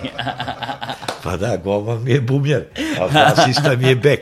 Ja sam, ja sam Beckenbauer. ja sam sredina terena, kapiten tima i kontrolišem igru. Ja sam korektor igre. Kad, kad špicevi, a desi se, znaš koliko puta, mi smo u Bečeju, Sr, Ranđa, Pera, Zmak, srljaju na onaj narod, puno, ništa, ovi gledaju. Ja rekao, beži bre, babe, pomerite se. Ja sam korektor igre, ja sam Beckenbauer. Nabačena iz kornera i ja kucam u raklje. 1-0 bez greške, razumeš? I sad, i Ja kažem, beži bre babe, oni se smeju ranđa. E, e care, rekao, beži bre babe. Ja počinje ja s gitarom, prođem ono kroz telo, onu stelu, vraćam se nazad, ovacije i smejem se, rekao, sad ih vi dok rečite, razumeš? Ne. Ja sam dao jedan gol, sad vi ste. Ili imam ja tu sportsku taktiku, ne znam, idemo za Nikšić, ovo je već bilo 2000 nek. Da, da. Idem za Nikšić i onda pravim taktiku, nije krenuo Pera Joe. Imam Zafu koji je strašan gitarista, imam basistu koji je sjajan, imam bubnjara, imam, pe, imam pevača. I ja. I sad, ovaj, fali mi jedan špic igrač. Znaš, mm -hmm. malo mi je pevač, to je dosta prosto. To je bugarska košarka iz 61. Znaš, to je, kao, sad pevač peva, a mi solira neko, edi, to je prosto. Nego daj da se igramo, ovo je NBA, da. razumeš? Dodavanje, beskredno dodavanje, dok neko ne napravi neki lep potez. Da zakuca ili u tablu ili šta. I sad, sad fali mi jedan špic. Znaš, ja pravi špic mi fali, to je Pera Džo, koji nije krenuo. I sad pitan Zafu, koji je sjajan, a tek dosu bendre koje znaš, ove njegove koje zbog znam, are, on Makedona, znaš kakve uši ima. Pa je kupio ceo zanat naš za, za, za, za dva dana. Znaš, samo nema ovog, on sve svira, to stoji treba. I sad, rekao, za Fireli, ti ideš polu špic, s strane, ja sam u mojoj sredini, rekao, ulazi pevač u špic da da gol, kad se on povlači nazad, ovaj, ideš ti po desnoj strani, silaziš u publiku, ja silazim s leve, dižemo gitare iznad glave i komuniciramo i povlačimo se.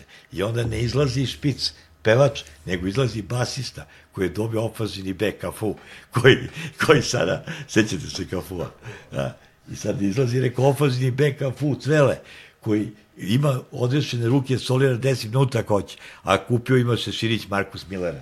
A, I sad, sve se događa po mom scenariju, sa ja Murinjo, znaš, zafo odavde, odavde, mi gitare, povlačimo, izlazi cvele, da, da, da, da, solira, nema kraja, znaš, a, a pevač mi je bio tu sa Dorčevo, Šone mali, pravi džej, onako, znaš, ali somo glas imao, i sad je u Melbourne, on ima ženu, dvoje dece, fenomen, ali Da se vratimo na Sarajevo. Za, pa Gupčić, naš delikvent i da, tako. Da, da se vratimo na Sarajevo i sad završava se svirka u Sarajevu. Završava Sarajevo je nas na rukama, na nogama, sad povratak je težak.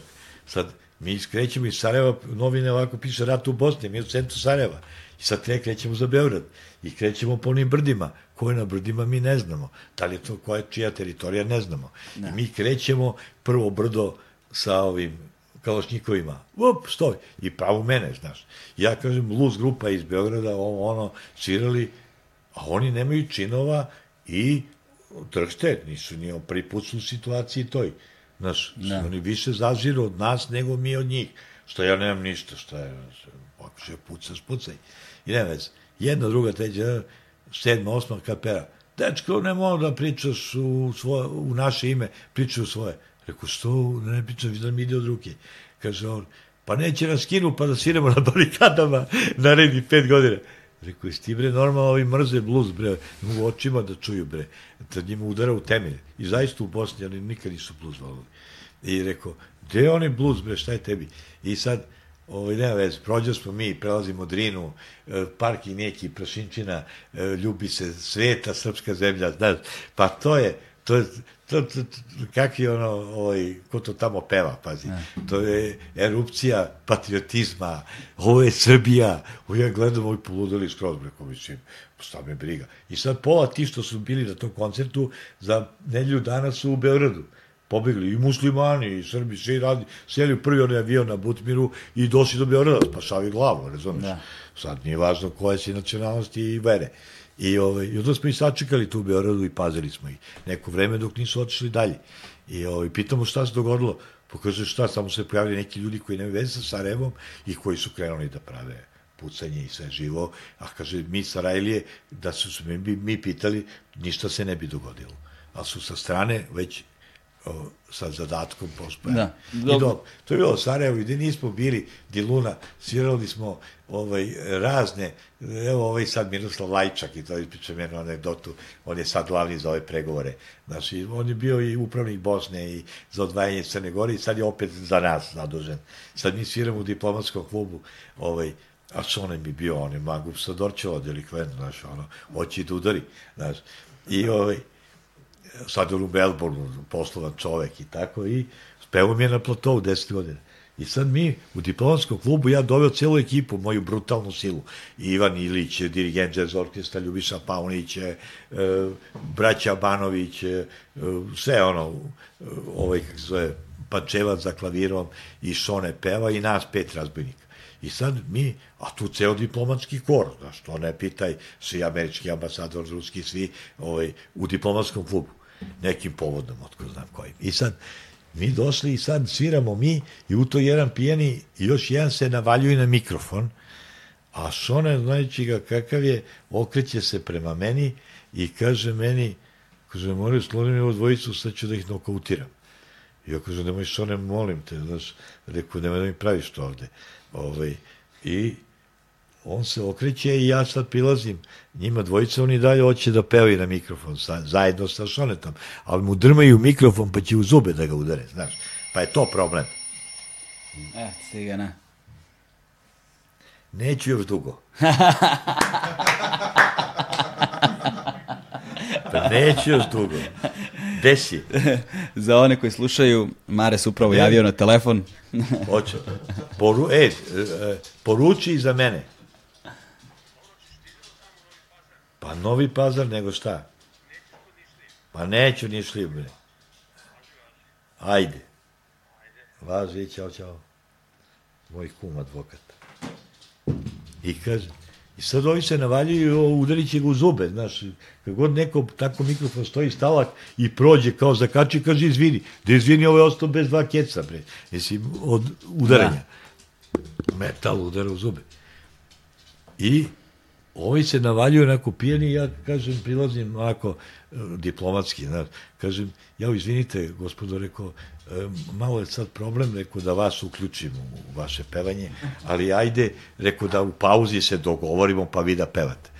A ovo je jedan pijan ko majka, ima stoji na nogama. I ja sam Miroslav Lajčak. Rekao, ja nisam znao, kaže, ja sam ambasador.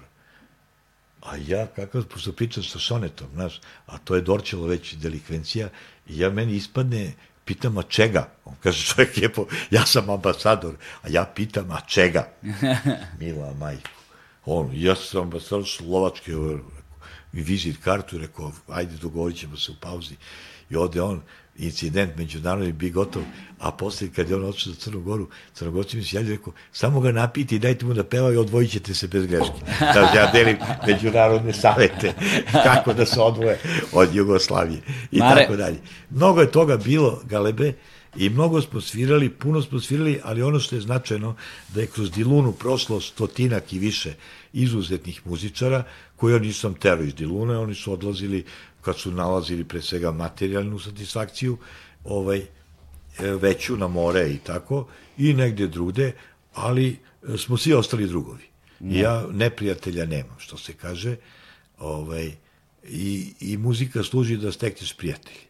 Ako ti za sve to vreme nisi istekao ovaj, drugare, prijatelje, i da ih okreneš i sada ako, ako ste nizvili toke godine, ili da ti treba večeras basista, a on svira s Čolićem na Marakani, a sutra treba da svira s tobom na Gusaru u bloku 45, on će doći.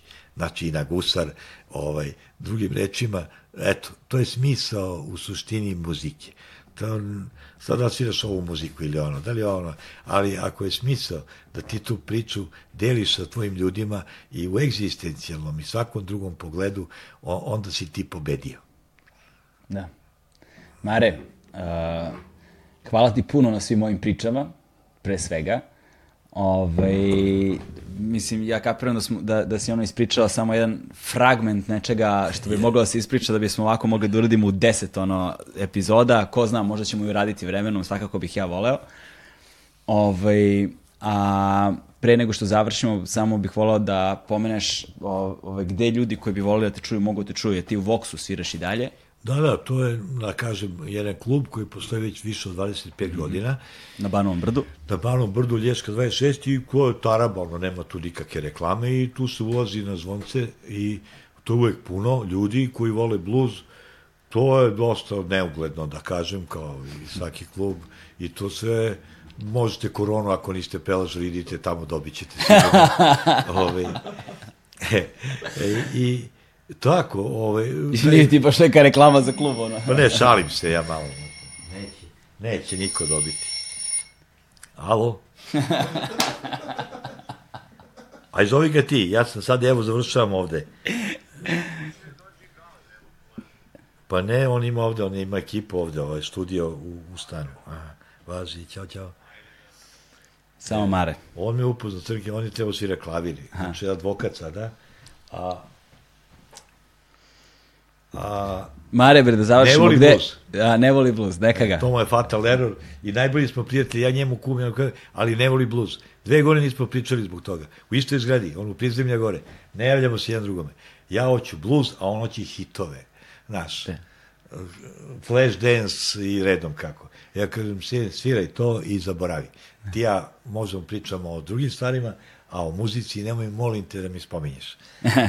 dakle, u Voxu mogu redovno da te čuju ljudi, spremate se sad za neki koncert sledeće e, nedelje, beše da, veći nešto. Da, imamo sada, evo, subotu, to je 12. ima uh, u Bavaništu, to je jedno mesto mm. uh, na putu od Pančeva prema Kovinu, na pola puta, to je jedan jazz festival, sedma godina već egzistira, gde će izuzetni muzičari da budu i sastavi, od Max Kočetova uh, ovaj, iz jazz orkestra, kvinteta, do, do Dragan Ćalina kvartet, onda Iva Ikon sa svojim jednim kvartetom, ovo će se pa to je velika zvezda i mi zatvaramo taj festival e, to, to je dnevni festival, počinje u 12, završava se uveč oko 7 i na jednoj livadi ovako sa druženjem i sa jelom, pićem i šta već, božanstvena atmosfera i mi zatvorimo festival, bit će Dragan Ćalina opet sa nama za klavirom i ovaj, Nataša Guberinić, koja je jedna Areta Franklin ovaj, i tako dalje. I eto, to je sad u subotu i svake nedelje već, iako je ova korona i sve, mi imamo jedan nastup, onda sledeće imamo Blues i pivo, to je u Cetinskoj, 15, to je jedan veliki onako otvoren, on je radio sve vreme korone, I imamo i, Vox sledeće i spremam neki koncert tamo na jesen kasnije. To će znači, biti, nema zaustavljanja, a? Nema i nismo, evo, prošle godine smo imali fantastičan uh, jednu turneju po Srbiji, sve su u pitanju trgovi. Kad mi neko pita, da li taj blues sluša neko? Rekao, Kraljevo trg, dođe da vidiš samo kako se to radi, kako se dere ono jarcu koža. Pun trg Kraljevo, zovu posle nedelju dana ovog menadžera, kaže, koji su ti oni? Znači, Kraljevo na nogama, Užice na nogama, e, ovaj, kako se zove, Zrenjanin. Ne. Tamo smo dobili neki Woodstock festival, pa su nam uvalili, proglasili za najbolji bend ovaj, festivala, pa ja dobi neki zlatni šešir tim povodom, a moj sin Bini me gurka, kaže, nemoj da se ložiš, tata, kaže, tu nagradu su oni smislili malo pre. I e. tako da imam dozvoljeno da smo bili u, u Ivanjici, je božanstvene bilo Nušićijada, pa onda ispreća večka ambasadora, pa onda veliki koncert na Kalemegdanu i završili smo, boga mi, u decembru prošle godine svirali smo, kad kaže, kad se ga upoznao, oni su rekli da je on milioner, znaš, ovaj, ovaj kanadjani neki dasa koji je otkidao na nas, a prijatelje sa Stonesima, sa Bob Dylanom i dođe u Beogradu taj Vox, koji sam malo prehvalio po, svoj, po svoj uređenosti, dođe da čuje nas, pa ide avionom za Pariz da ga čeka Bob Dylan. Znači, a ludak i slavio rođendan i mi odemo na Kipar u decembru, nedelju dana. Svirali normalan koncert, tri sata. Ćalina nam pravio kiflice, on je majstor deda mu bio pekar, valjda, kad je zamirisala kuća. A bend, odmah pere sudova, ovaj namešto, ide baci djubre, ovaj u nabavku, šta ti fali slanina, na vidio sam ovde radnju. To je ekipa snova, pazi, ti njima, to su takvi momci, zato ja sviram s njima. Nije muzika važna. Ovaj pravi kiflicu, ovaj po, namješta tanjire. Kiflice su važne, ovaj pere, su važne. Ovaj pere sudove već, ovaj baca đubre. To su ljudi, nema šta da pričaš, znaš, kao da mi utvrđujemo činjenično stanje, ma nema potrebe, vidiš šta treba da radiš. I tako, onda smo svirali tom tipu, on bazene, neki slapovi, kao Plitička jezera, ono, ovoliki znak, onaj mozaici od Stonesa, onaj znak, ne. ovaj, svirali neki njegovim bogatašima iz celog sveta koji su došli. U drugim rečima, Diluna e, doživljava nešto što nije uobičajeno. Znači, mi ne snimamo nikakav CD, mi ne spremamo nikakve, ono, da sedimo tamo u jutarnjem programu, naš, naš projekat, Projekat je da sviramo, da svaki dan, probe nemamo skoro uopšte. Znači, Koliko svirate, šta će vam ono? sviramo non stop, probe vrlo redko imamo, uh, u studiju nismo nikada, znači jedan krajnje neobičan sliku zajedničku nemamo, fotografiju, znači to je jedna, jedna onako slobodna asocijacija slobodnih ljudi koji svako časa možda kaže, Mare, ne mogu ja danas, kaže, naravno, znaš, imam ovde trojicu za svakog na, na tom mestu, ovaj, i, i oni dolaze i svi sve znaju da sviraju, svi su fenomenalni. Naprimjer, ja imam za klavirom Dragana Ćalinu, Ivana Aleksijevića i ovaj Hristić ovoga Andreja. Znači, tu su tri ajkule klavirske u ovom gradu. I ovaj, od ona je pisao saksofonisti, basisti. I sad, nema vezi, moj sin izostane. Kaže, e, ne mogu danas, zovu ga neki drugi. Kaže mi, ti s drugima. Znaš, nije ni on obavezan da bude danas u Diluni. To čak čini dobro. Pa mi dođu neki moji stari koji su bili, evo sad mi je bio prošle nedelje Dejan Grujić na sviru Otro s Kelcima. Tako smo se slatko isvirali. On je bio kod mene, pa otišao tamo, pa sad ga zovem u zamenu, što da ne. I to čini bogatstvo. Pa da, sećam se kada smo organizovali dok sam ja radio u Domu omladine tamo 2012. 13. godine, pa sam bio jedan od urednika programa uh, i sarađio sam puno sa Draganom Ambrozićem koji je radio da, taj, taj koncertni program. Jeste. Pa smo tada radili, bio je subotom Jazz Dž kao besplatni da. koncert i bio je utorkom Blues B. I sećam se tada ste svakog utorka dolazili i svirali i svaki put u drugoj postavi. Uvek je neko nov, uvek je neko drugačiji, uvek neko nedostaje ili pa ga zamenjuje da. neko drugi, tako da sam tada shvatio da postoji ta ta rotacija u bendovima yes. i to nije samo sa tvojim bendom, nego i sa drugim bendovima koji sviraju takođe se iste stvari dešavaju. Kao nekakva zajednica, kao nekakva komuna funkcionišete svi zajedno. Yes. Mislim da je ovo najviše rečenica što sam povezao od početka podcasta u ovom trenutku. Ove, ovaj, ja mar... tebe moram da ti kažem, što ja ti toliko cenim i postojem kao čoveka i kao profesionalca u tvojom poslu.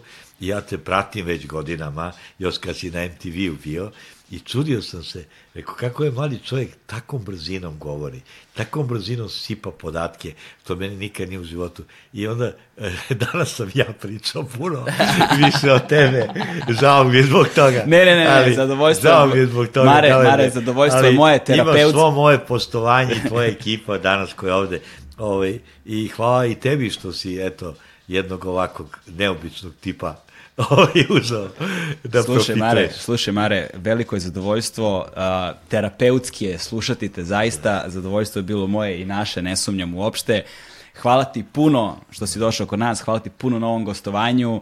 A, nadam se da ćemo se vidjeti još sto puta, što u podcastu, što u drugim, prili, što da drugim prilikama. svirke, I da, znači. mi je, I da mi je delić tvoje energije kada zagazim u osmu deceniju, ono, znači, smatraću sebe blagoslovljenim čovekom. Hvala ti puno. Stigli smo do kraja, to je to i za, za, ne zaboravite, ako želite da nas podržite, to možete da uradite jednokratnim donacijama preko Paypala i mesečnim pretplatama preko Patreona. Linkovi su u opisu videa, odnosno opisu uh, audio platforme na kojoj nas slušate. Hvala, to je to. Ćao.